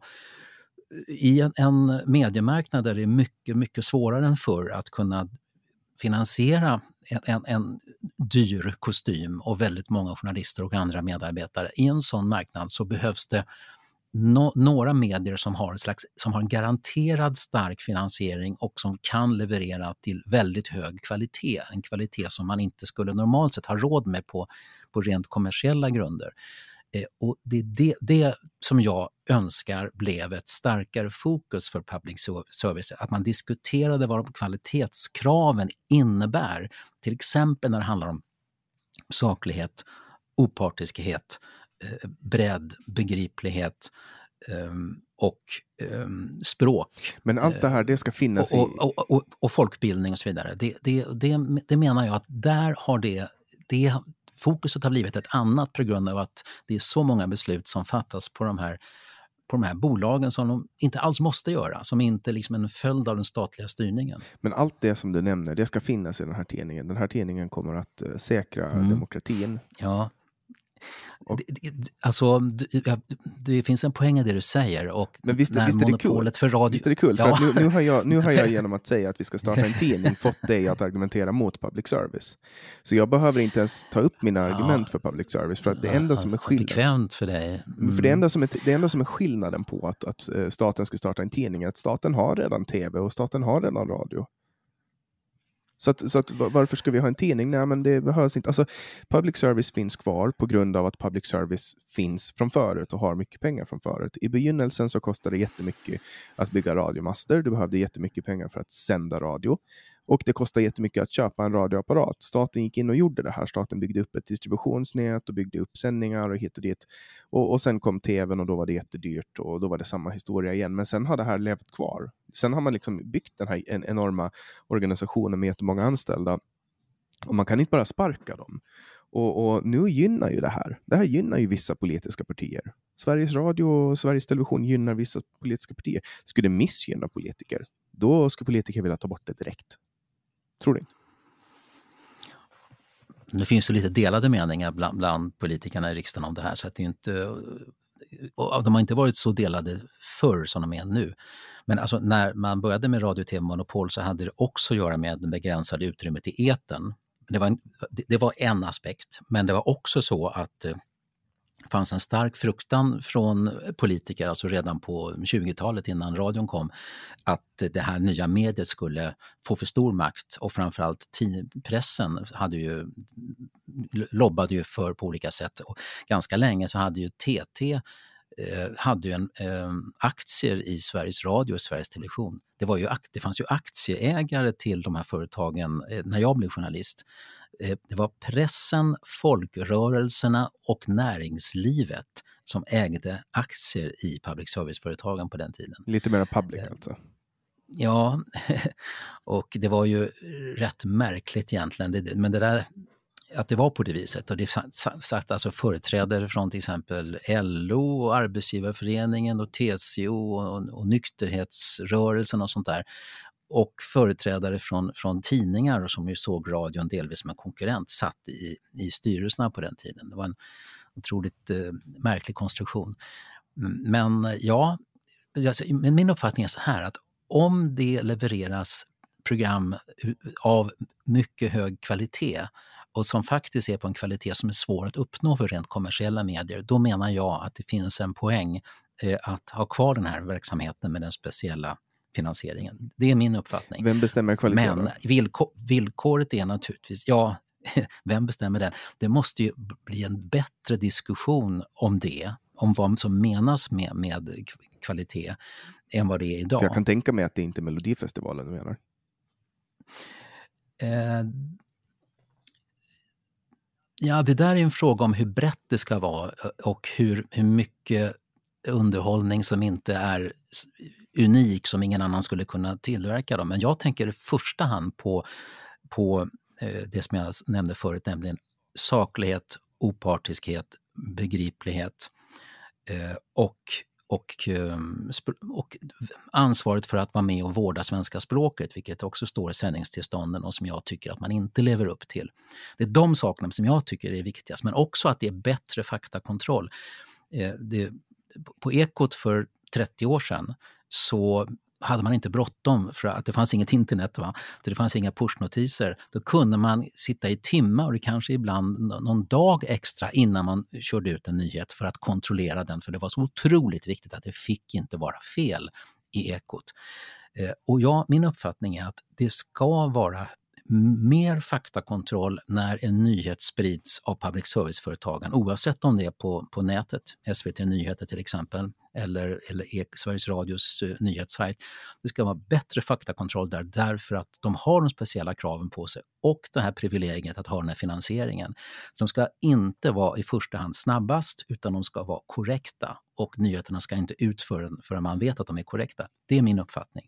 Och jag kan konstatera att så tolkar inte företagen sin roll utan menar att det är jätteviktigt att vara snabb på pushnotiser för att annars så förlorar man mark eh, och publik och sånt där. Det tycker jag är ett exempel på vad jag menar eh, kvalitetsnivå som, ska, som bör vara spe, på en speciell nivå på public service och som man inte kan kräva av Expressen och, och eh, Norrländska Socialdemokraten.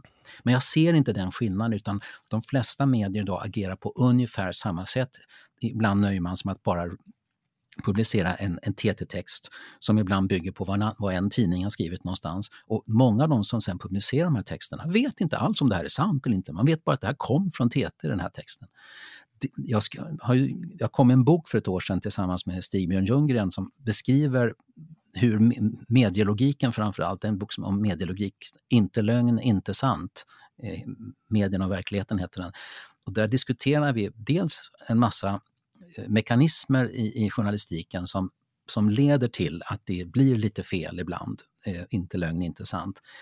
Men jag försöker också betona det att, att vi har några medier som har en specialsituation eh, och som faktiskt skulle kunna göra någonting annorlunda. För de har råd med det. För de har, och de gör inte det tycker jag. Det är min besvikelse. Mm. Jag tror att, det, att, att, att, eh, eh, public service har en jättestor undanträngande effekt för mm, fristående mediekreatörer som undertecknad. Uh, jag tycker ju att det jag gör håller hög kvalitet. Uh, nu, får, nu är det ju fritt i vem som helst att tycka, men, men jag menar, uh, jag tycker att den mm. affärsmodell som jag använder, som inte ens är så mycket av en affärsmodell, i och med att jag inte tjänar så mycket pengar, men, men um, att jag gör innehåll och så får folk betala för det om de gillar det.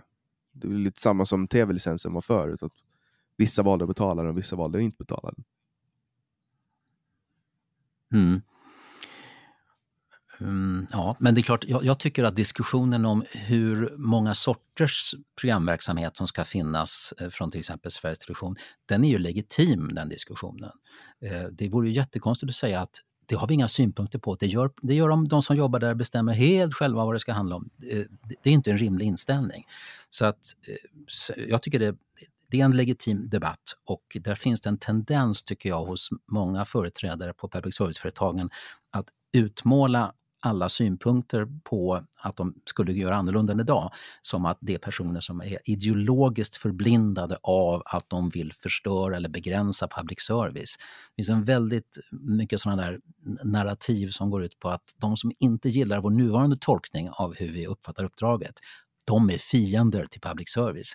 Jag tycker väldigt illa om den inställningen för att det gör ju att man faktiskt riskerar att bli stämplad i debatten som förmodligen någonting brunt eh, om man inte håller med om tingens ordning som de är idag.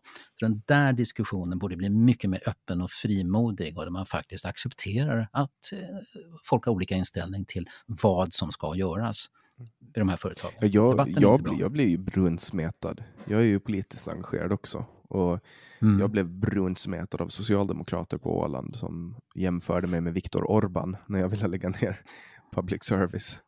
Så att, eh, alltså, ja, ja. Men det, för mig är det så här, lika, lika självklart som att den här klyschan om att om alkohol ska ha uppfunnits idag skulle den aldrig ha blivit lagligt, eller om cigaretter ska ha uppfunnits idag skulle det aldrig ha blivit lagligt. På samma mm. sätt skulle public service inte ha blivit en grej om någon kommer föreslå det nu. Hörni, ska vi eh, starta en eh, radio? Den får kosta så här många miljarder, 8-9 miljarder per år. Vi ska ha jättemånga anställda och de ska eh, göra massa olika poddar och massa olika program och Melodifestivalen. Det är en tävling där folk får dansa och sjunga i glittriga kläder. Och, och det här liksom, det är ett hot mot demokratin. Om vi inte har det här, vi måste ha det här, vi måste skydda folk. Alltså det ska inte, det ska inte hända. Det ska inte ske. Det skulle det nog inte göra, men det är ju lite kontrafaktiskt eh, resonemanget eftersom vi nu har de här företagen.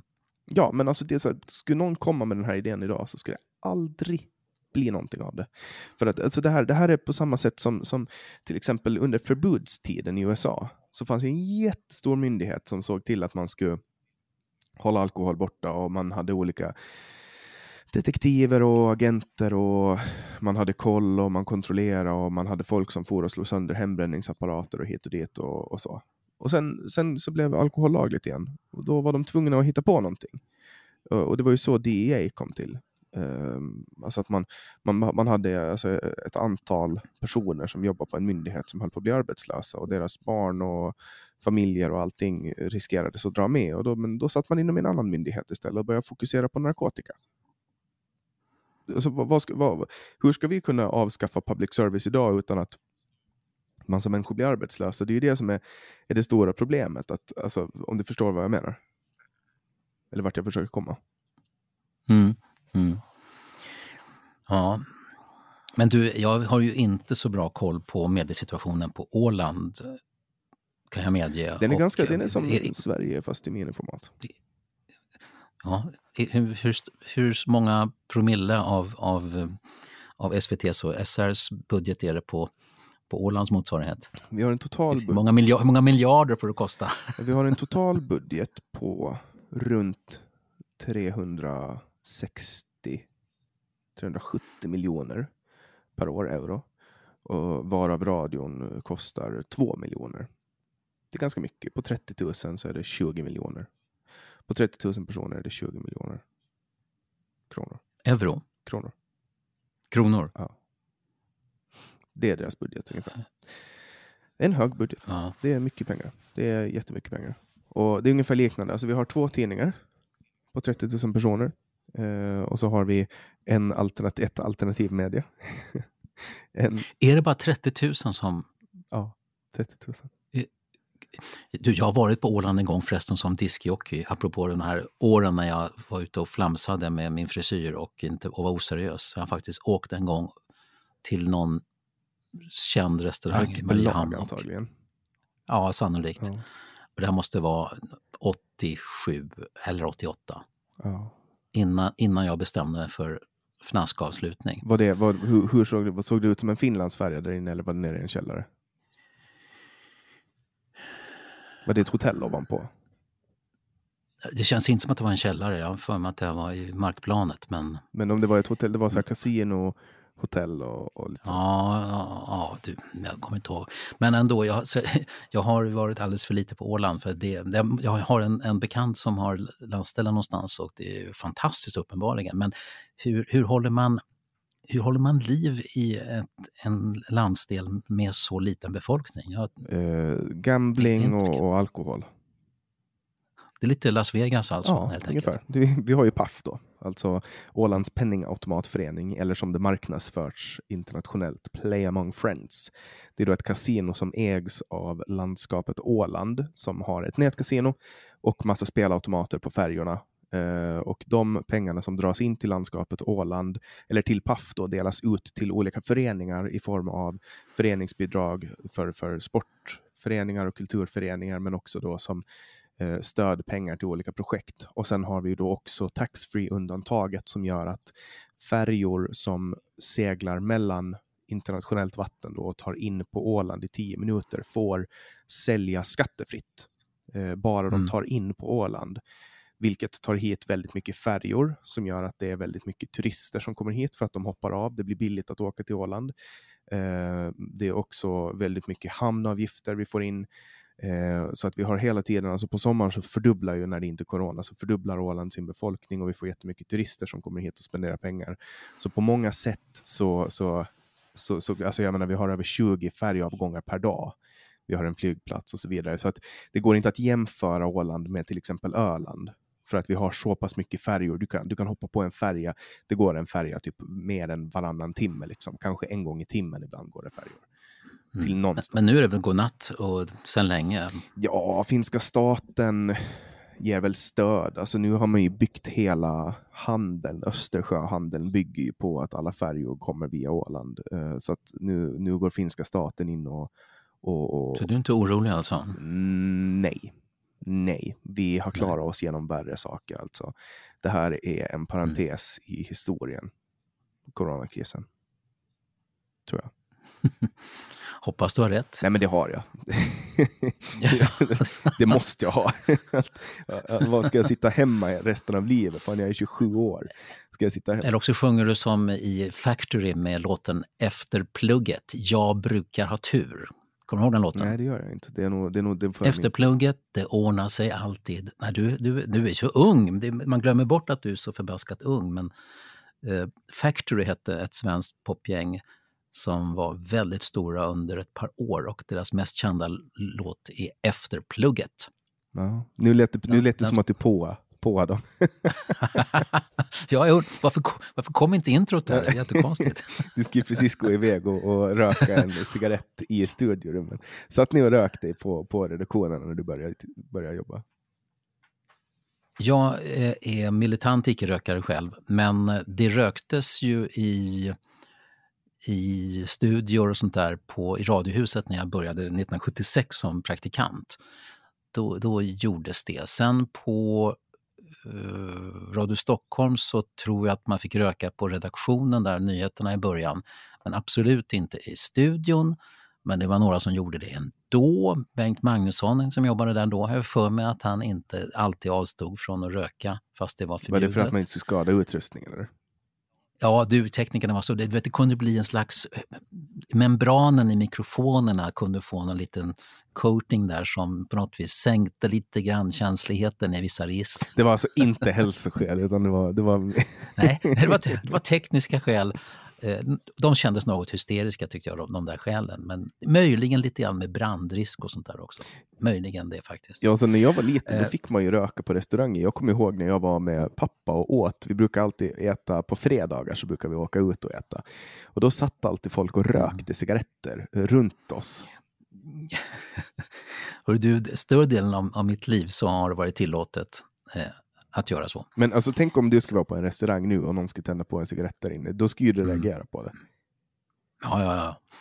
Det har varit förbjudet på bussar och tåg väldigt länge och eh, jag kommer ihåg någon kväll när för, ja, kanske 15 år sedan, jag åkte ganska sent buss och så var det en person, ung person framför mig som började tända en cigarett i, i bussen. Jäklar vad jag var aggressiv och verbalt hård mot den personen. Alltså, jag vet inte, jag fick tordönsstämma dönsstämma eh, och, och liksom Släck cigaretterna! Och jag var precis bakom honom. Eh, och han blev, jag, jag, tog en risk då för han kunde ju ha varit påtänd eller bli aggressiv. Ja, så att eh, nej, jag, jag tycker det är jobbigt med rökning faktiskt. Det, och det blev på ett sätt var det ju, förr kunde ju folk röka på sina arbetsplatser och sånt där lite här och var. Men alla kom ju ut på gatorna nu. Så det går ju inte, det går ju inte att, att vandra på trottoarer och slippa rök, utan det är, folk står överallt i portar till höger och vänster och röker och så vidare. Så det är skönt inomhus, men, men eh, det, blev, det blev jobbigt utomhus. Men nu får man ju inte röka utanför ingångar i Sverige. Nej, eh, men det gör många människor ändå, särskilt vissa tider på dygnet. Ja. Och jag såg ett inslag på Rapport ikväll förresten som hade att göra med vaccinleveranserna och att det var äldre människor som hade hoppats på vaccin men de hade inte fått möjlighet att boka in och sådär. Och då var de intervjuade då utanför någon slags sjukhus eller vårdcentral och sådär. Och sen när, när, under en intervju då så ser man i bakgrunden en kvinna som tar upp en cigarett och tänder den och hon står liksom en meter utanför utgången, ingången till den här vårdcentralen. Och så har de dragit ner munskyddet då, dragit ner det under hakan, vilket man ju då det sägs att de kan inte använda munskydden igen om man har gjort på det här viset. Ja, hon såg ut som en smygrökare som bröt mot lagen i, i tv. Såg jag ikväll. Sånt där kan roa mig lite grann. Ja, alltså, jag hörde en, en, en, en historia, alltså, jag trodde inte, alltså, det, det här, jag, det, men det är sant tydligen. Så att det var en, en, en person som har rökt hela sitt liv, sedan han var jätteliten, 9-10 år mm. gammal. Mm. Och han är väl då i 60-årsåldern idag. Och um, han slutade röka. Och efter någon månad, två månader, så fick han problem med magen. Jättemycket problem med magen. Och visade sig vara en autoimmun sjukdom som angrep tarmen. Eller autoimmun, jag vet inte om den är autoimmun, men det var en sjukdom i alla fall. Autoimmun, det är helt autoimmun när den angriper. Mm, autoimmun sjukdom. När, det, när, när egna immunförsvar angriper en kropps... Mm. Ja. Så att det angrep eh, någon av tarmarna eh, så att han fick, väl, han fick eh, mycket obehagliga yttringar. Låt oss stanna där på detaljnivå. Eh, men och det gick inte att lösa. Han skulle få leva med det resten av livet. Men det sjukvården inte kunde säga till honom var ja, om du börjar röka igen så försvinner det.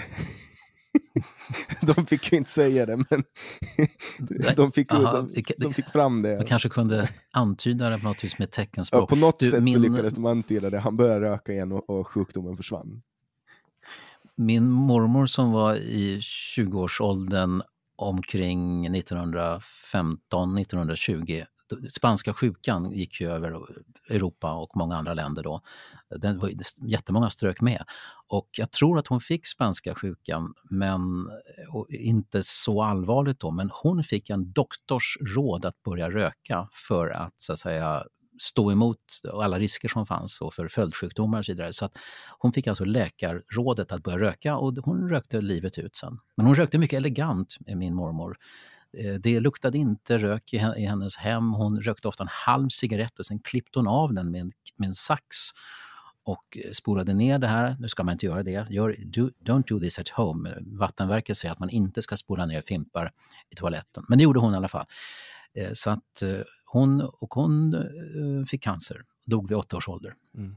I lungorna? Men klarade spanska sjukan. Ja, det var både i lungorna och på andra håll också. Mm. Jag rökte i i sju år. Jag började när jag var jätteung, 14 kanske, 15. Eh, mm. och eh, min pappa sa alltid till mig så här när jag var liten. Så här, det är lättare att inte börja röka än att sluta. Och jag borde ha lyssnat mm. på honom. Men jag, jag har varit rökfri nu i fyra år. Det är bra. Det, jag vet att det finns en del som har varit inbitna rökare som har uppfattat att det nog är väldigt svårt där, men som plötsligt bara slutar och så och aldrig mer. En del kan alltså klara av att bara stänga av medan andra ständigt återfaller. Och så. Men jag hade nog inte jag, jag, har då, jag har rökt 17 cigaretter sammanlagt tror jag, något sånt där i mitt liv, när jag var i 20-årsåldern. Jag har, så att jag inte, men jag, det är mindre än 20 cigaretter har jag rökt totalt i mitt Snusar liv. Snusar du? Nej, det gör jag inte. Och, och du, jag har aldrig spelat um, dataspel eller tv-spel. Aldrig? Nej. Oj. Jag vet att, är jag onormal doktorn? Ja, men det är konstigt. Men, men eller så här. Eh, alltså, jag, nej, det är inte konstigt egentligen, men jag tänker så här, vilken jäkla, vilken jäkla eh, eh, tråkig tillvaro det måste vara att bo på ett äldreboende nu. Men tänk när jag är så här 80 och bara kan sitta hemma och spela i någon så här super-VR eh, mm. olika mm. saker. Alltså, jag kommer ju jag kommer ju att ha det hur bra som helst när, med digital underhållning när jag, när jag kommer in på äldreboende. Du har redan börjat tänka på äldreboendet alltså, den perioden i ditt liv. Du, du är en planerande människa. Men man kanske har lite krämpor och så, men om jag får spela World of Warcraft 20 timmar i dygnet, då kommer jag, då kommer jag med, gladeligen, alltså, speciellt med folk som serverar mig, kanske till och med rullar ut mig till någon matsal. Alltså, det, kommer ju, det kommer ju bli fantastiskt. Och då kommer jag kunna sitta på Skype eller Clubhouse eller vad som helst och bara prata med alla andra 90-talister.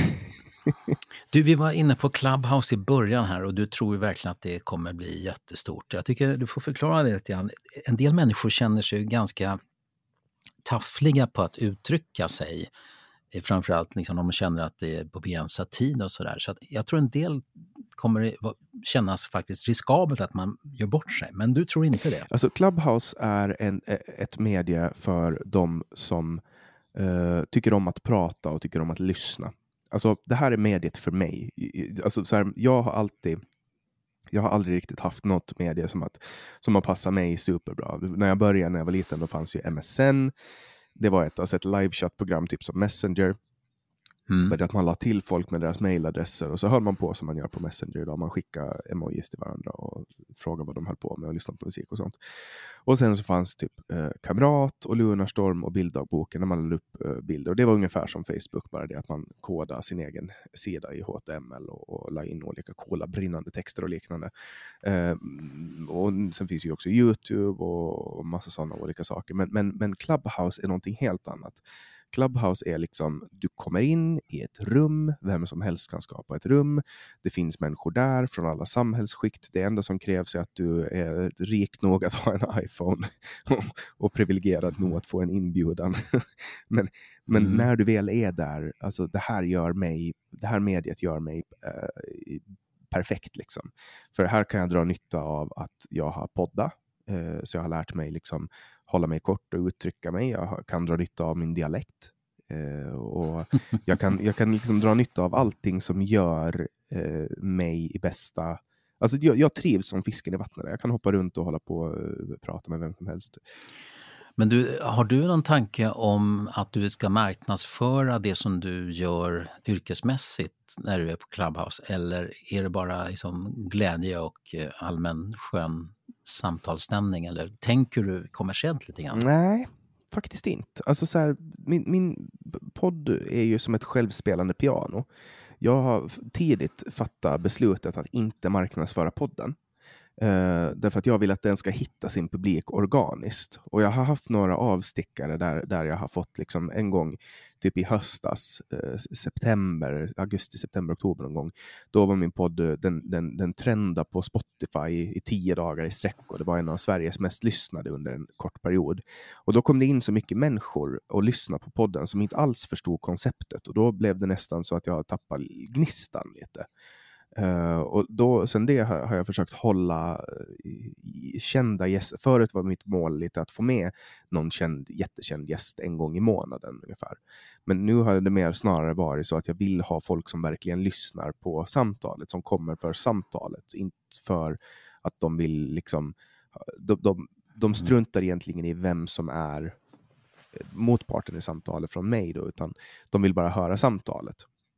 Så det är lite dem jag vill hitta. Så att, mm. eh, och, och, när jag samtalar på Clubhouse, då är det som en förlängning av podden. Att jag samtalar med vem som helst och om vad som helst.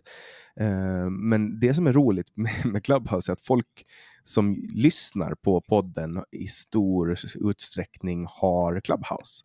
Så att folk vet ibland vem jag är när jag kommer in där och det tycker jag är jätteroligt. Jag kan tänka mig att det är lite samma för dig, att du kommer in och så vet folk vem du är från förut.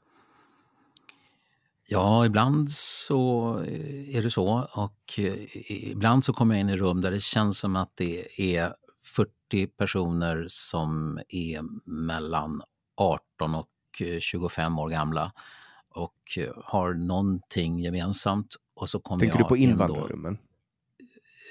Ja, de har inte varit etiketterade som invandrarrum, men men jag har noterat ofta att det är en väldigt hög andel människor som ser ut att ha utländsk bakgrund i ett och samma rum. Det har jag, ja, det är invandrarrum, det, har, det, det har slagit hårt bland, bland invandrade grupper. Och så har de egna uh, rum där de mm. pratar om, om saker som är aktuella för dem, vilket är jätteintressant att höra vad de eh, har ja, jo, ja, ja, absolut. Och jag, jag, går ju, jag är ju en nyfiken person och uh, går ju oftast in för att jag undrar hur, hur samtalar de unga människor, hur samtalar de? Och förstås, vad är det de säger också? Vad är det för verklighet de beskriver? Men jag är, som, jag är ju inte riktigt samtalsaktivist som eh, Navid Modiri, men, men något åt det hållet ändå. Så jag är intresserad av det goda samtalet, och hur det är. Att man lyssnar på varandra och faktiskt har en, försöker att tolka välvilligt eh, och förstå vad personen verkligen menar. Och så där. så att jag går in delvis för att, och så hör jag då en del väldigt framgångsrika möten där folk, folk, lyssnar med respekt och nyfikenhet och de kommer någon bit på väg. Va? Så hör jag några andra då som snarare handlar om att man ska hamra ner sin, sitt budskap va? och bara och konfrontera andra. Det är otroligt intressant att lyssna men jag tröttnar också ganska snabbt om det är så att folk inte lyssnar på varandra och att det bara blir en massa markeringar av hur, hur, fina åsikter man har, då tröttnar jag väldigt snabbt. Och moderatorerna är ju väldigt olika aktiva på Clubhouse. En del är, är ju, liksom- ja det står moderator, de kan liksom säga ja eller nej till folk som kommer räcker upp handen, men de gör ingenting. De, de är liksom lika tysta som folk i publiken ibland. Och då börjar det krypa i mig faktiskt, om det är ingen som leder alls och tar ansvar för att det här flödar lite grann. Mm. Ja, de vet inte kanske vad de ska, hur de ska och kanske man ska våga också. Jag brukar ju moderera ganska hårt, men sen, jag, jag vet inte om du har märkt det, har du varit inne i något trollrum någon gång? Mm, inte som jag själv skulle sätta den stämpeln på, nej. Jag och, och, några som jag har blivit vän med har, har kört lite trollrum. Jag trollar ju under eget namn, så att när jag gör det så gör jag det av, av goda intentioner. Jag gör det mest för att det är roligt och då gör vi så att vi startar ett rum Eh, och sen väljer vi en åsikt. Alltså vi tar en grupp människor eh, som har en åsikt och så låtsas vi ha den åsikten. Och så slåss vi militant mm. för den åsikten. Som till exempel eh, här för några dagar sedan så startade vi ett rum som hette Riktig kommunism har aldrig prövats. och, så, och så låtsades vi vara kommunister. Eh, och så använder vi alla deras argument. Och du vet till sist när man sitter där, då kommer det ju in folk som är emot kommunism, som vi också var då, men som börjar kämpa emot oss. Och då sitter vi och använder deras argument och inser att om vi är tillräckligt bra och övertygande på att använda deras argument så kan vi få det att låta som att vi vinner debatten. Förstår du vad jag menar? Det är mm. jätteroligt. Mm. Underhållande. Okej. Okay. Det är ju som ett rollspel. Alltså det är... men, men, det kan inte liksom skapa dålig rykte hos Clubhouse att man faktiskt, eh, folk kör liksom falskspel och inte säger vad de tycker och att det verkar då liksom o, lite osäkert. Mm, alltså att det, är inte ju, riktiga samtal. Det är ju, det är ju alla, alltså, alla rum har ju sina egna regler och när man är så där pass raljant, vi, vi är ju alltid öppna med att vi rollspelar.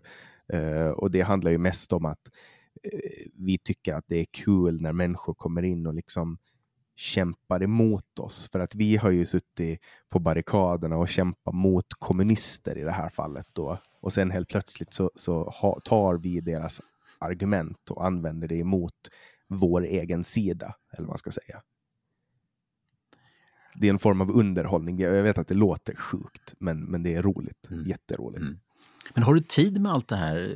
Så för min del så är tiden bristvara och eh, det påminns jag alldeles för ofta om. Alltså, så att jag, jag känner att jag måste sovra med hur många jag går inte in varje dag ens på Clubhouse. Alltså jag, jag brukar, jag, jag brukar eh, när jag är eh, och klappar och borstar min häst eller mockar eller kör bil eller är ute och promenerar. Alltså, men jag har gjort avkall på antal poddar jag lyssnar på, det måste jag erkänna. Jag, jag ligger jättemycket efter när det kommer till poddar. Även också läsning, mm. böcker. Jag läser mm. jättemycket böcker.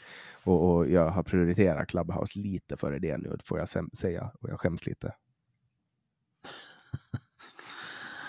ja, men se, alltså det beskrivningen av Twitter är ju att, att eh, det är alldeles för aggressivt och att det är mm, troll och, och rasister och folk som vill jävlas med andra och förstör debatten och sådär. Det, I mitt flöde så ser det ganska bra ut tycker jag på Twitter men jag inser att för många andra så, så är det verkligen inte schysst. Finns det inte en risk att all, alla nya medier går samma öde till mötes? Det beror på hur politiskt korrekta eh medierna är när de sållar bort människor. Alltså plockar bort folk. Uh, Twitter har ju börjat göra det nu. De har ju börjat plocka folk. Alltså, du, du har säkert märkt det själv att du hade jättemånga följare som försvann. Uh, Nej, det har jag inte märkt. Nej, men det var, var, de gjorde en riktig, riktig rensning här bara för någon månad sedan. Ja. Jaha, Folk okay. tappade för, typ 10 procent halv... av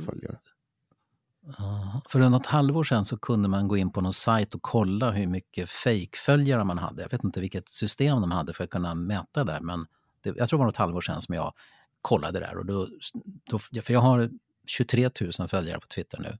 Det är rätt mycket. Det är skitmycket.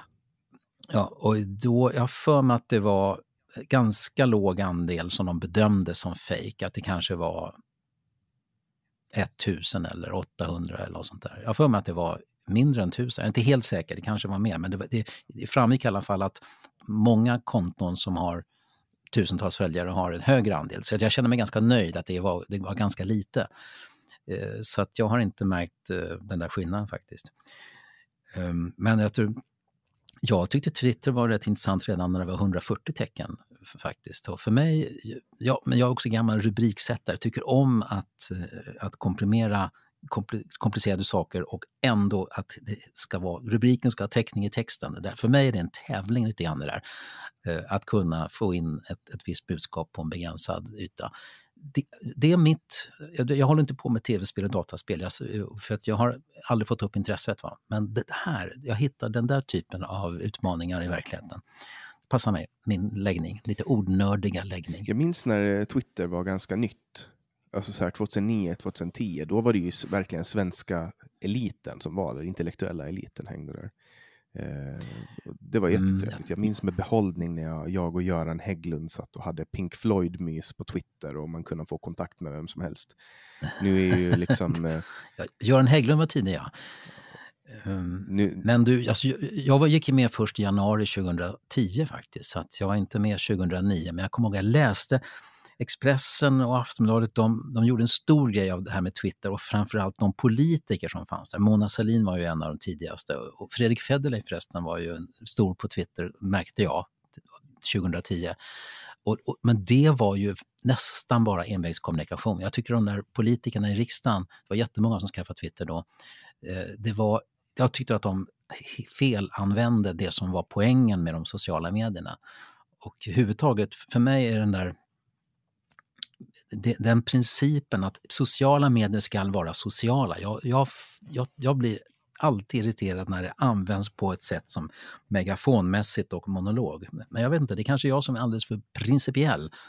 Det är väl det som är grejen med ska... Clubhouse, att det kan inte bli monolog. Eller jo, det kan det. Man kan ju livepodda i, men då drar ju folk om de inte är intresserade. Ja, men det finns ju de som liksom de utser tre moderatorer och så är det helt enkelt de som håller en gemensam föreläsning och ibland så kommenterar de varandra. Och ingen i publiken får någon, jag har hört några sådana eh, rum, till exempel Expressen gjorde ju sån här mediebransch, eller medie, vad kommer heter de, mediedirekt, mediedebatt. På fredagar, hade de, nu har de gjort en podd istället av det hela som heter Lägg ut. Eh, och så det är en ren, en ren podd. Men rummen var lite grann som en, visserligen intressant eh, podd, men det var två personer från ledningen på Expressen och så var det en gäst. Och alla andra fick vara, artigt lyssna på 30 minuter och kom inte in. Det blev ingen interaktivitet. Det tycker jag är ett brott mot spelets idé. Det måste jag säga. Mm. Eh, jag kommer sannolikt att dra med dig i ett efterspel också på Clubhouse eh, och det formatet som jag har gjort tidigare med gäster från samtal, det är att, eh, mm. att det är jag och gästen uppe på scenen och sen får folk komma upp och eh, ställa frågor eh, och delta i samtalet och sen skickar man ner dem till Gulag som jag brukar eh, använda det. Jag tycker att det är så beskrivande. Liksom. Eh, att du vet när man väl blir nerskickad där och, och då känns mm. det som att man sitter i Gulag. Eh, men så jag kommer förhoppningsvis, mm. eh, eller jag hoppas att du tackar ja när jag väl riktar den formella frågan till dig om en, en tid. Mm. Ja men det är ju troligt då eftersom jag tycker om samtal och tror verkligen på det som en viktig komponent för att få det här samhället att fungera lite bättre än det gör. På det viset är jag kanske inte samtalsaktivist men lite samtalsutopist kanske, eller jag tror att det är en, en, någonting som behövs och försöker naturligtvis att, att bidra eh, efter bästa förmåga. Eh, jag, jag, har, ett tag så var jag beskriven på Twitter som en slags ordningsman på Twitter.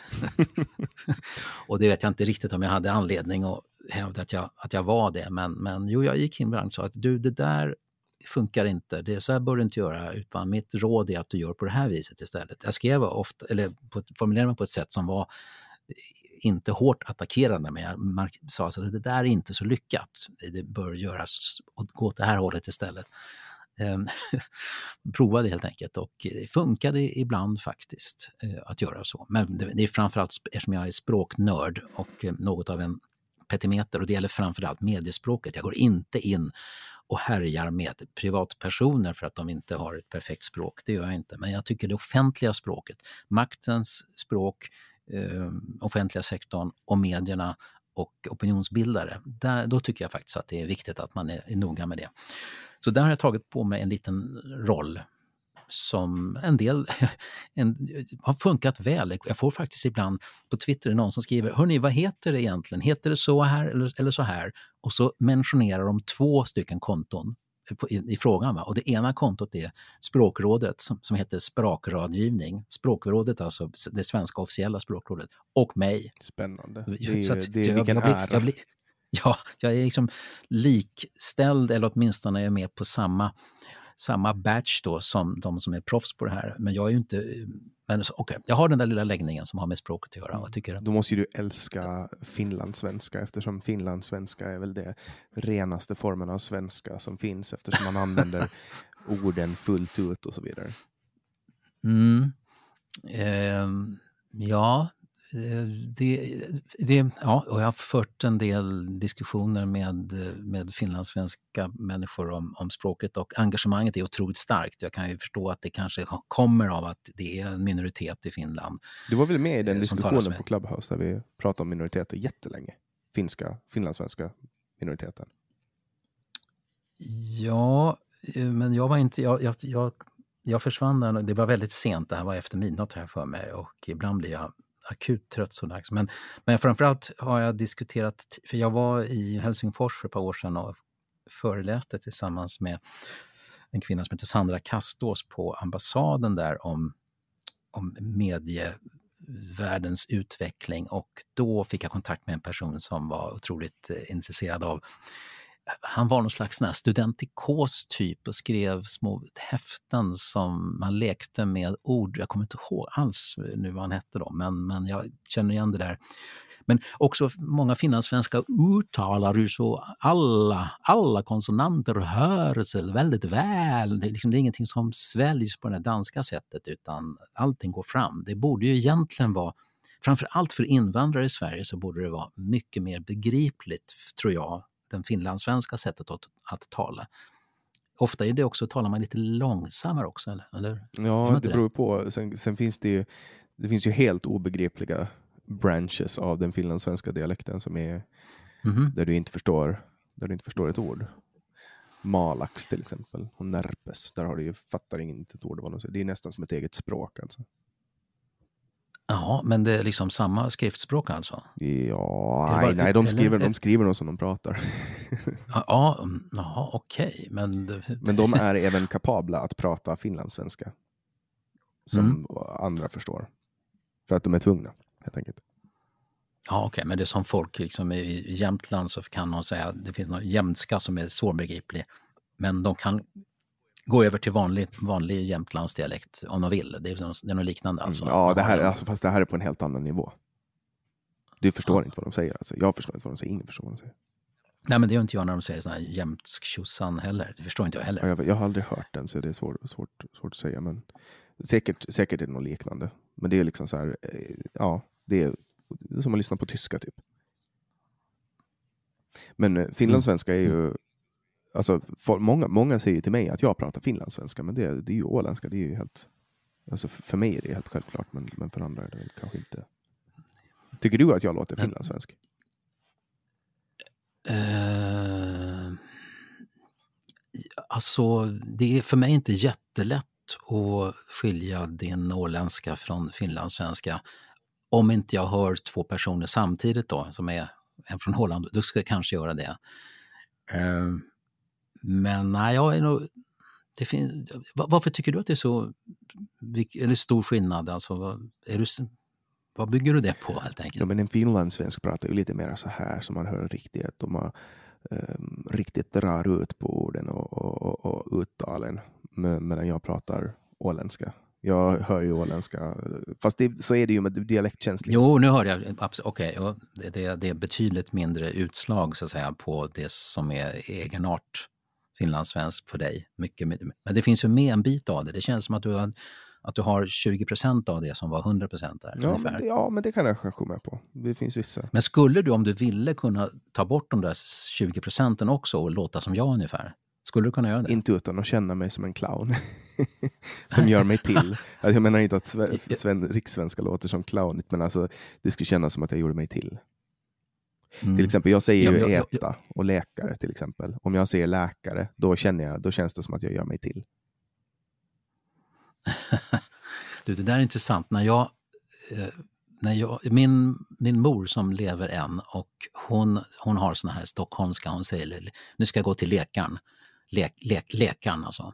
Eh, men jag fick ju lära mig att det heter läkare och väg. Eh, när jag gick i skolan fick man fick faktiskt lära sig hur man, hur man talade. För att det var rikssvenska då? Va? Som ni lärde er? Det sades, inte, det sades inte i skolan att vi lärde oss rikssvenska, men jag gick ju...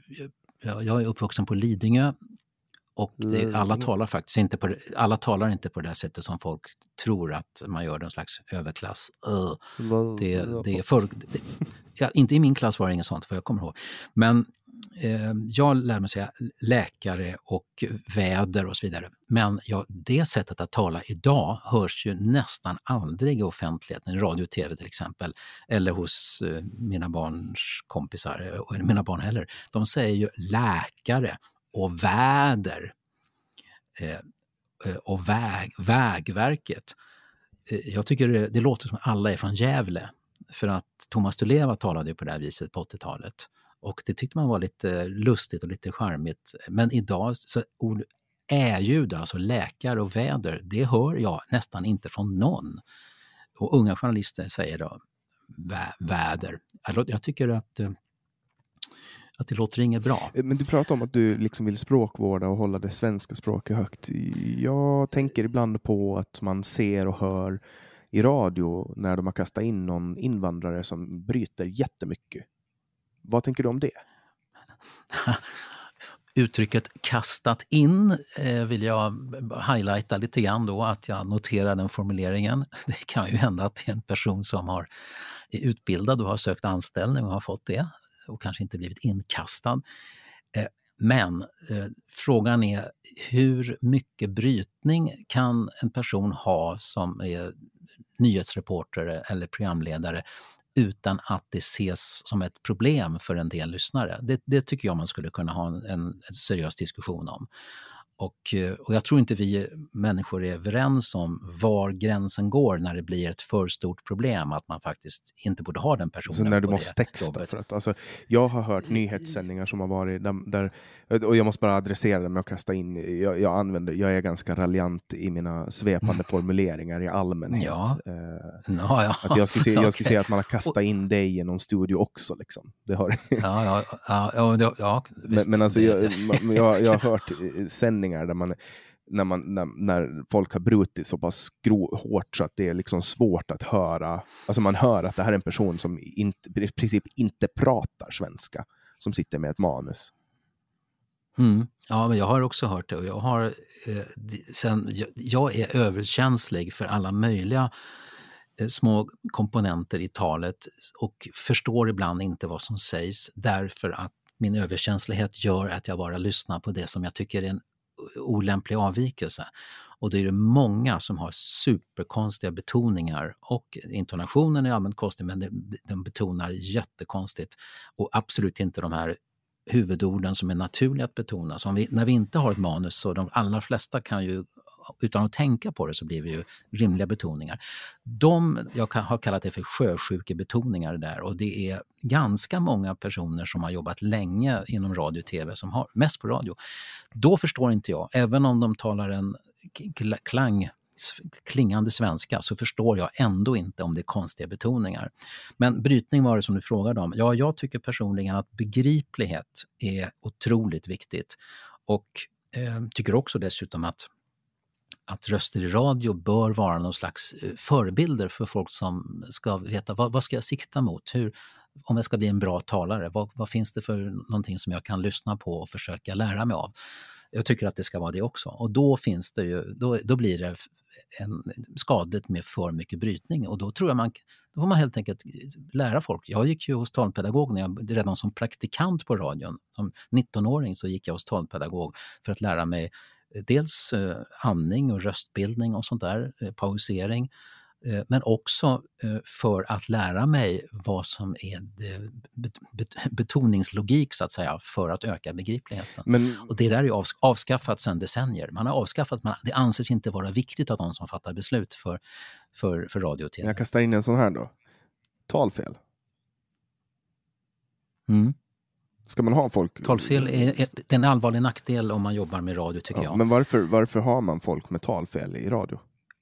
Är det för att visa att vi är toleranta och vi är öppna? Eller, alltså, vad är grejen? Man, man ska ju inte ha en, en färgblind pilot eller en halvblind pilot i ett flygplan. Man skulle heller inte ha en, en, en kakelläggare som absolut inte kan hantera sitt viktigaste verktyg när den ska lägga, sätta kakel Det vill säga händerna. Ja, ja, eller det kan vara, eh, kanske, eh, kanske har ett, ett eksem som är sånt att man aldrig kan hålla fast i det där viktigaste verktyget. Den personen skulle nog inte fortsätta lägga kakel om den så att säga på grund av en individuell svårighet då inte kan åstadkomma ett fullgott arbete.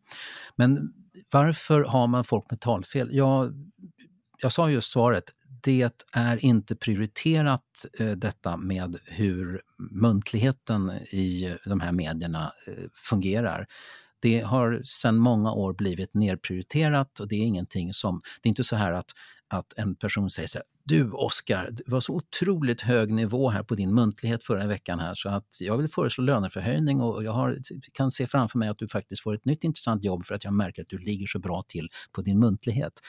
Eller, eller omvänt, eh, Elsa, eh, det här eh, räcker inte riktigt det som du åstadkommer här verbalt utan du har de här, de här bristerna och jag vill att du sätter dig i skolbänken med hjälp av den där talpedagogen och så får du komma tillbaks och prata i radio om en månad om du har lärt dig de här sakerna. För det är viktigt, vi ska ha den här nivån. Ingen av de händelserna sker därför att det har inte en hög status utan det är annat som, som anses vara viktigt i, i, i radions utveckling. Det är förklaringen till att man teoretiskt sett skulle kunna ha talfel och ändå fortsätta arbeta. Jag har en alternativ hypotes. Ja, så var inte min bra nog? Jag tror att, din, jag tror att min kan komplettera. Den kan stå som ett Mm, komplement. låt höra. Jag Ja. tror att man är så pass skitnödig i public service-bolag, för det här är ju faktiskt public service-bolag. Du ser ju inte, en, du ser ju inte någon som inte kan prata i, i, i en kommersiell radio eller tv, utan det här är public service.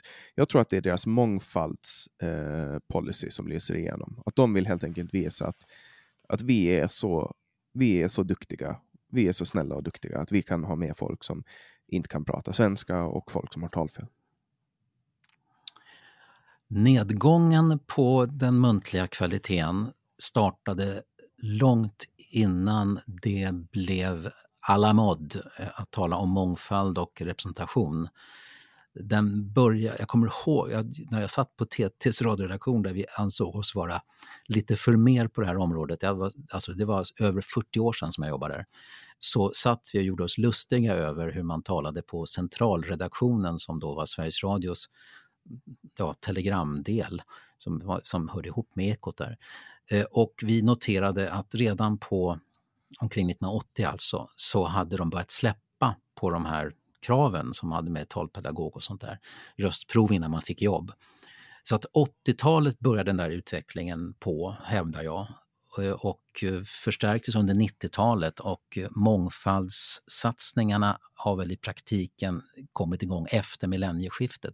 Så att det, jag uppfattar det som två olika processer som möjligen eh, överlappar och samspelar med varandra, men det började inte med det. Det, det är vad jag tror alltså, jag, jag, jag, jag kan tänka mig att så här, om, om jag skulle vara en native finne och bara prata finska och lära mig svenska och prata lite knacklig svenska, lite så här, kanske inte kunna uttala allting riktigt bra utan kunde bli lite fel. Och så skulle jag söka jobb på Sveriges Radio. Jag tror att det skulle bli svårt att få det.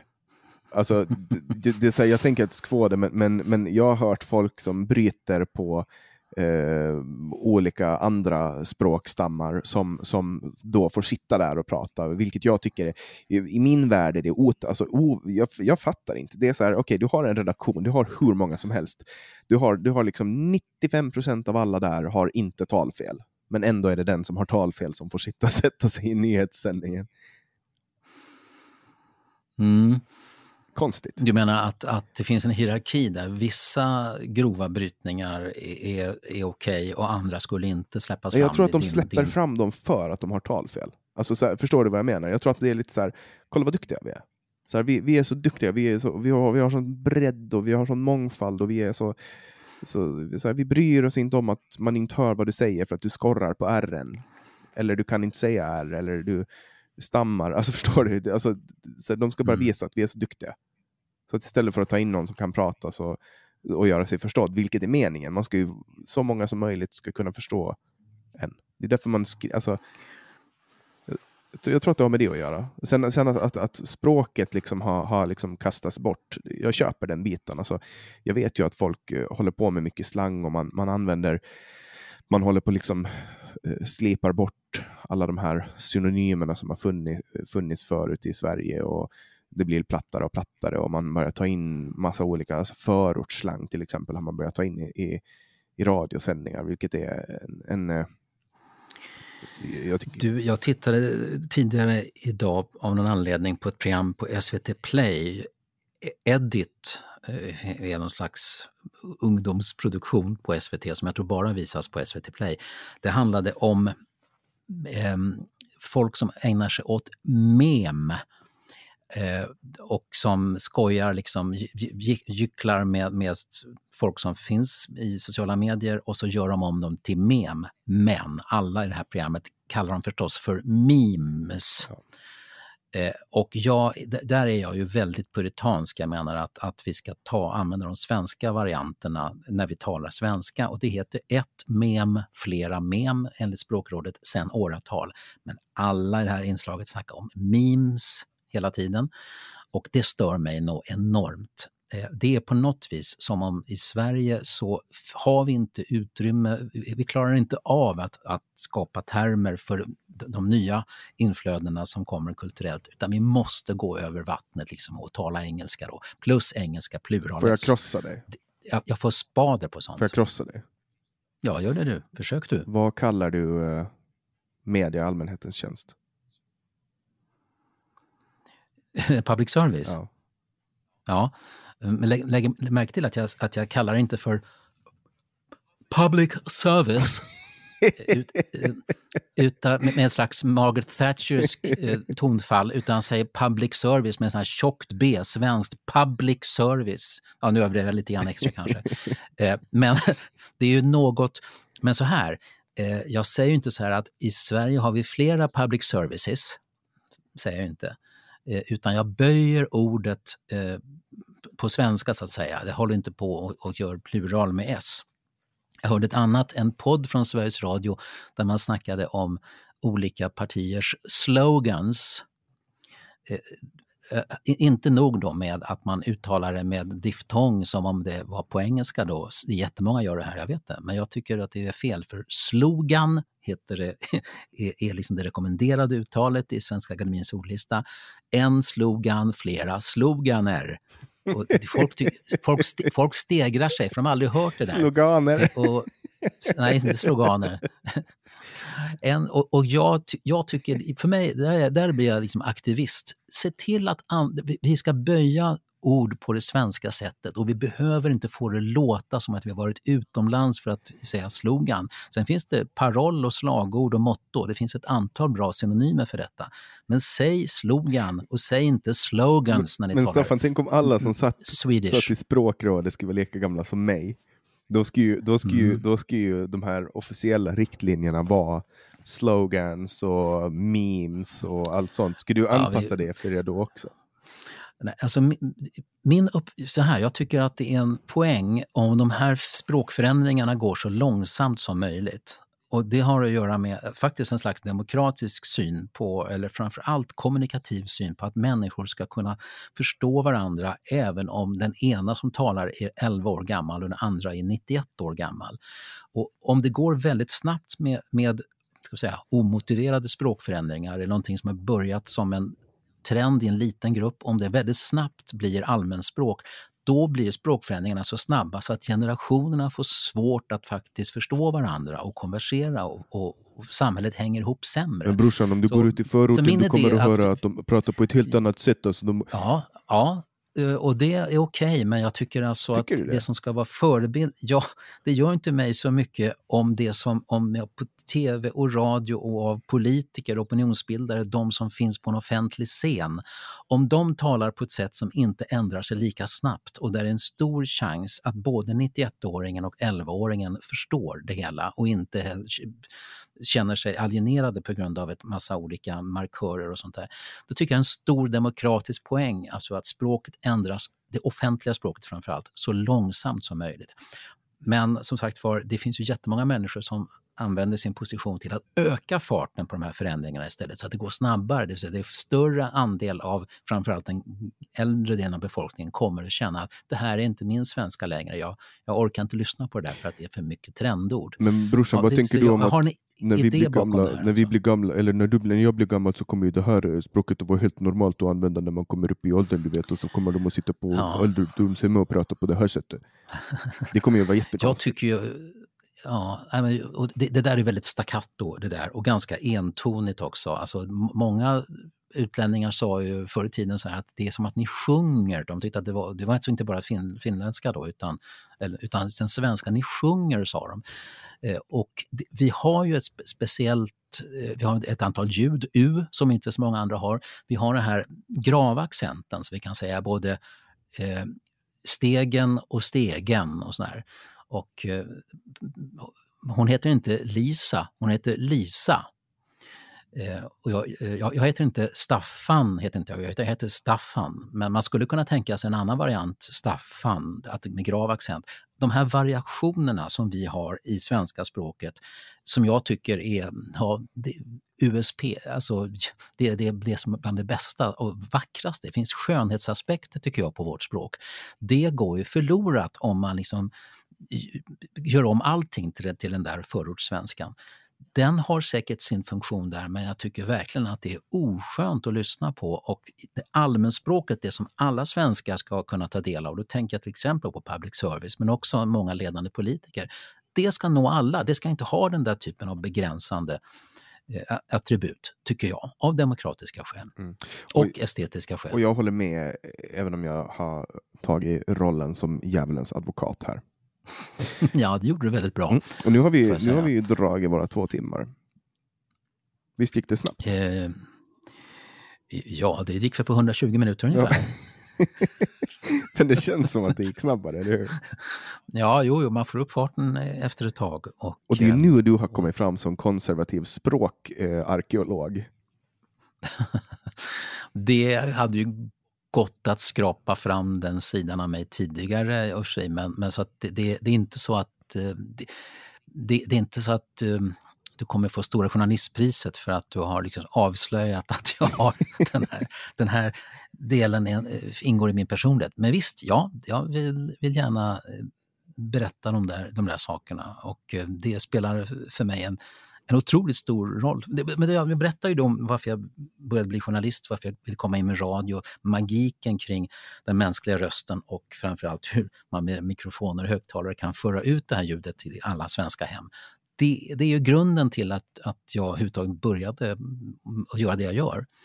Men jag inser förstås att det går absolut att avfärda mig som, som utopisk och alldeles för, för, för sträng. Det kan man göra om man vill. Eh, och jag, ja, men så här tycker jag. Mm. Och, så här känner jag, så här, så, här, så här säger jag. Och jag tänker att det sammanfattar det ganska bra. Jag tycker att vi har haft en jätte, jättetrevlig stund här och jättestort tack för att du ville vara med i podcasten Samtal, Staffan Dopping. Ja, men tack. Nöjet är faktiskt också på min sida och um, det, är, det är roligt att snacka, framförallt när någon lyssnar. Och jag hoppas att även ni som har lyssnat på det här har gjort det med stor behållning även denna vecka av podcasten Samtal. Jag släpper nya samtal alla onsdagar och du får jättegärna vara med och stödja det här projektet genom att gå in på patreon.com samtal eller genom att swisha mig på nummer 070-3522472. Du hittar numret i beskrivningen eller på min hemsida www.samtal.ax. Om du är inne på www.samtal.ax får du jättegärna gå in och önska nya gäster. Jag tar alla gäster i beaktande när jag bokar. Jag släpper nya samtal alla onsdagar året runt. Du har lyssnat på podcasten Samtal med mig, Jannik Svensson.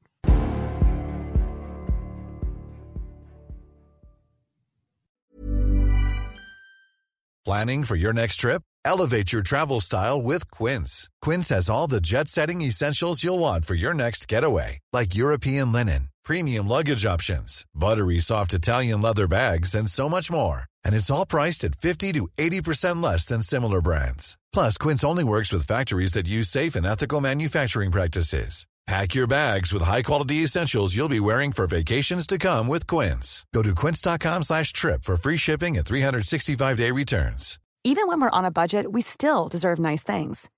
Quince is a place to scoop up stunning high-end goods for 50 to 80% less than similar brands.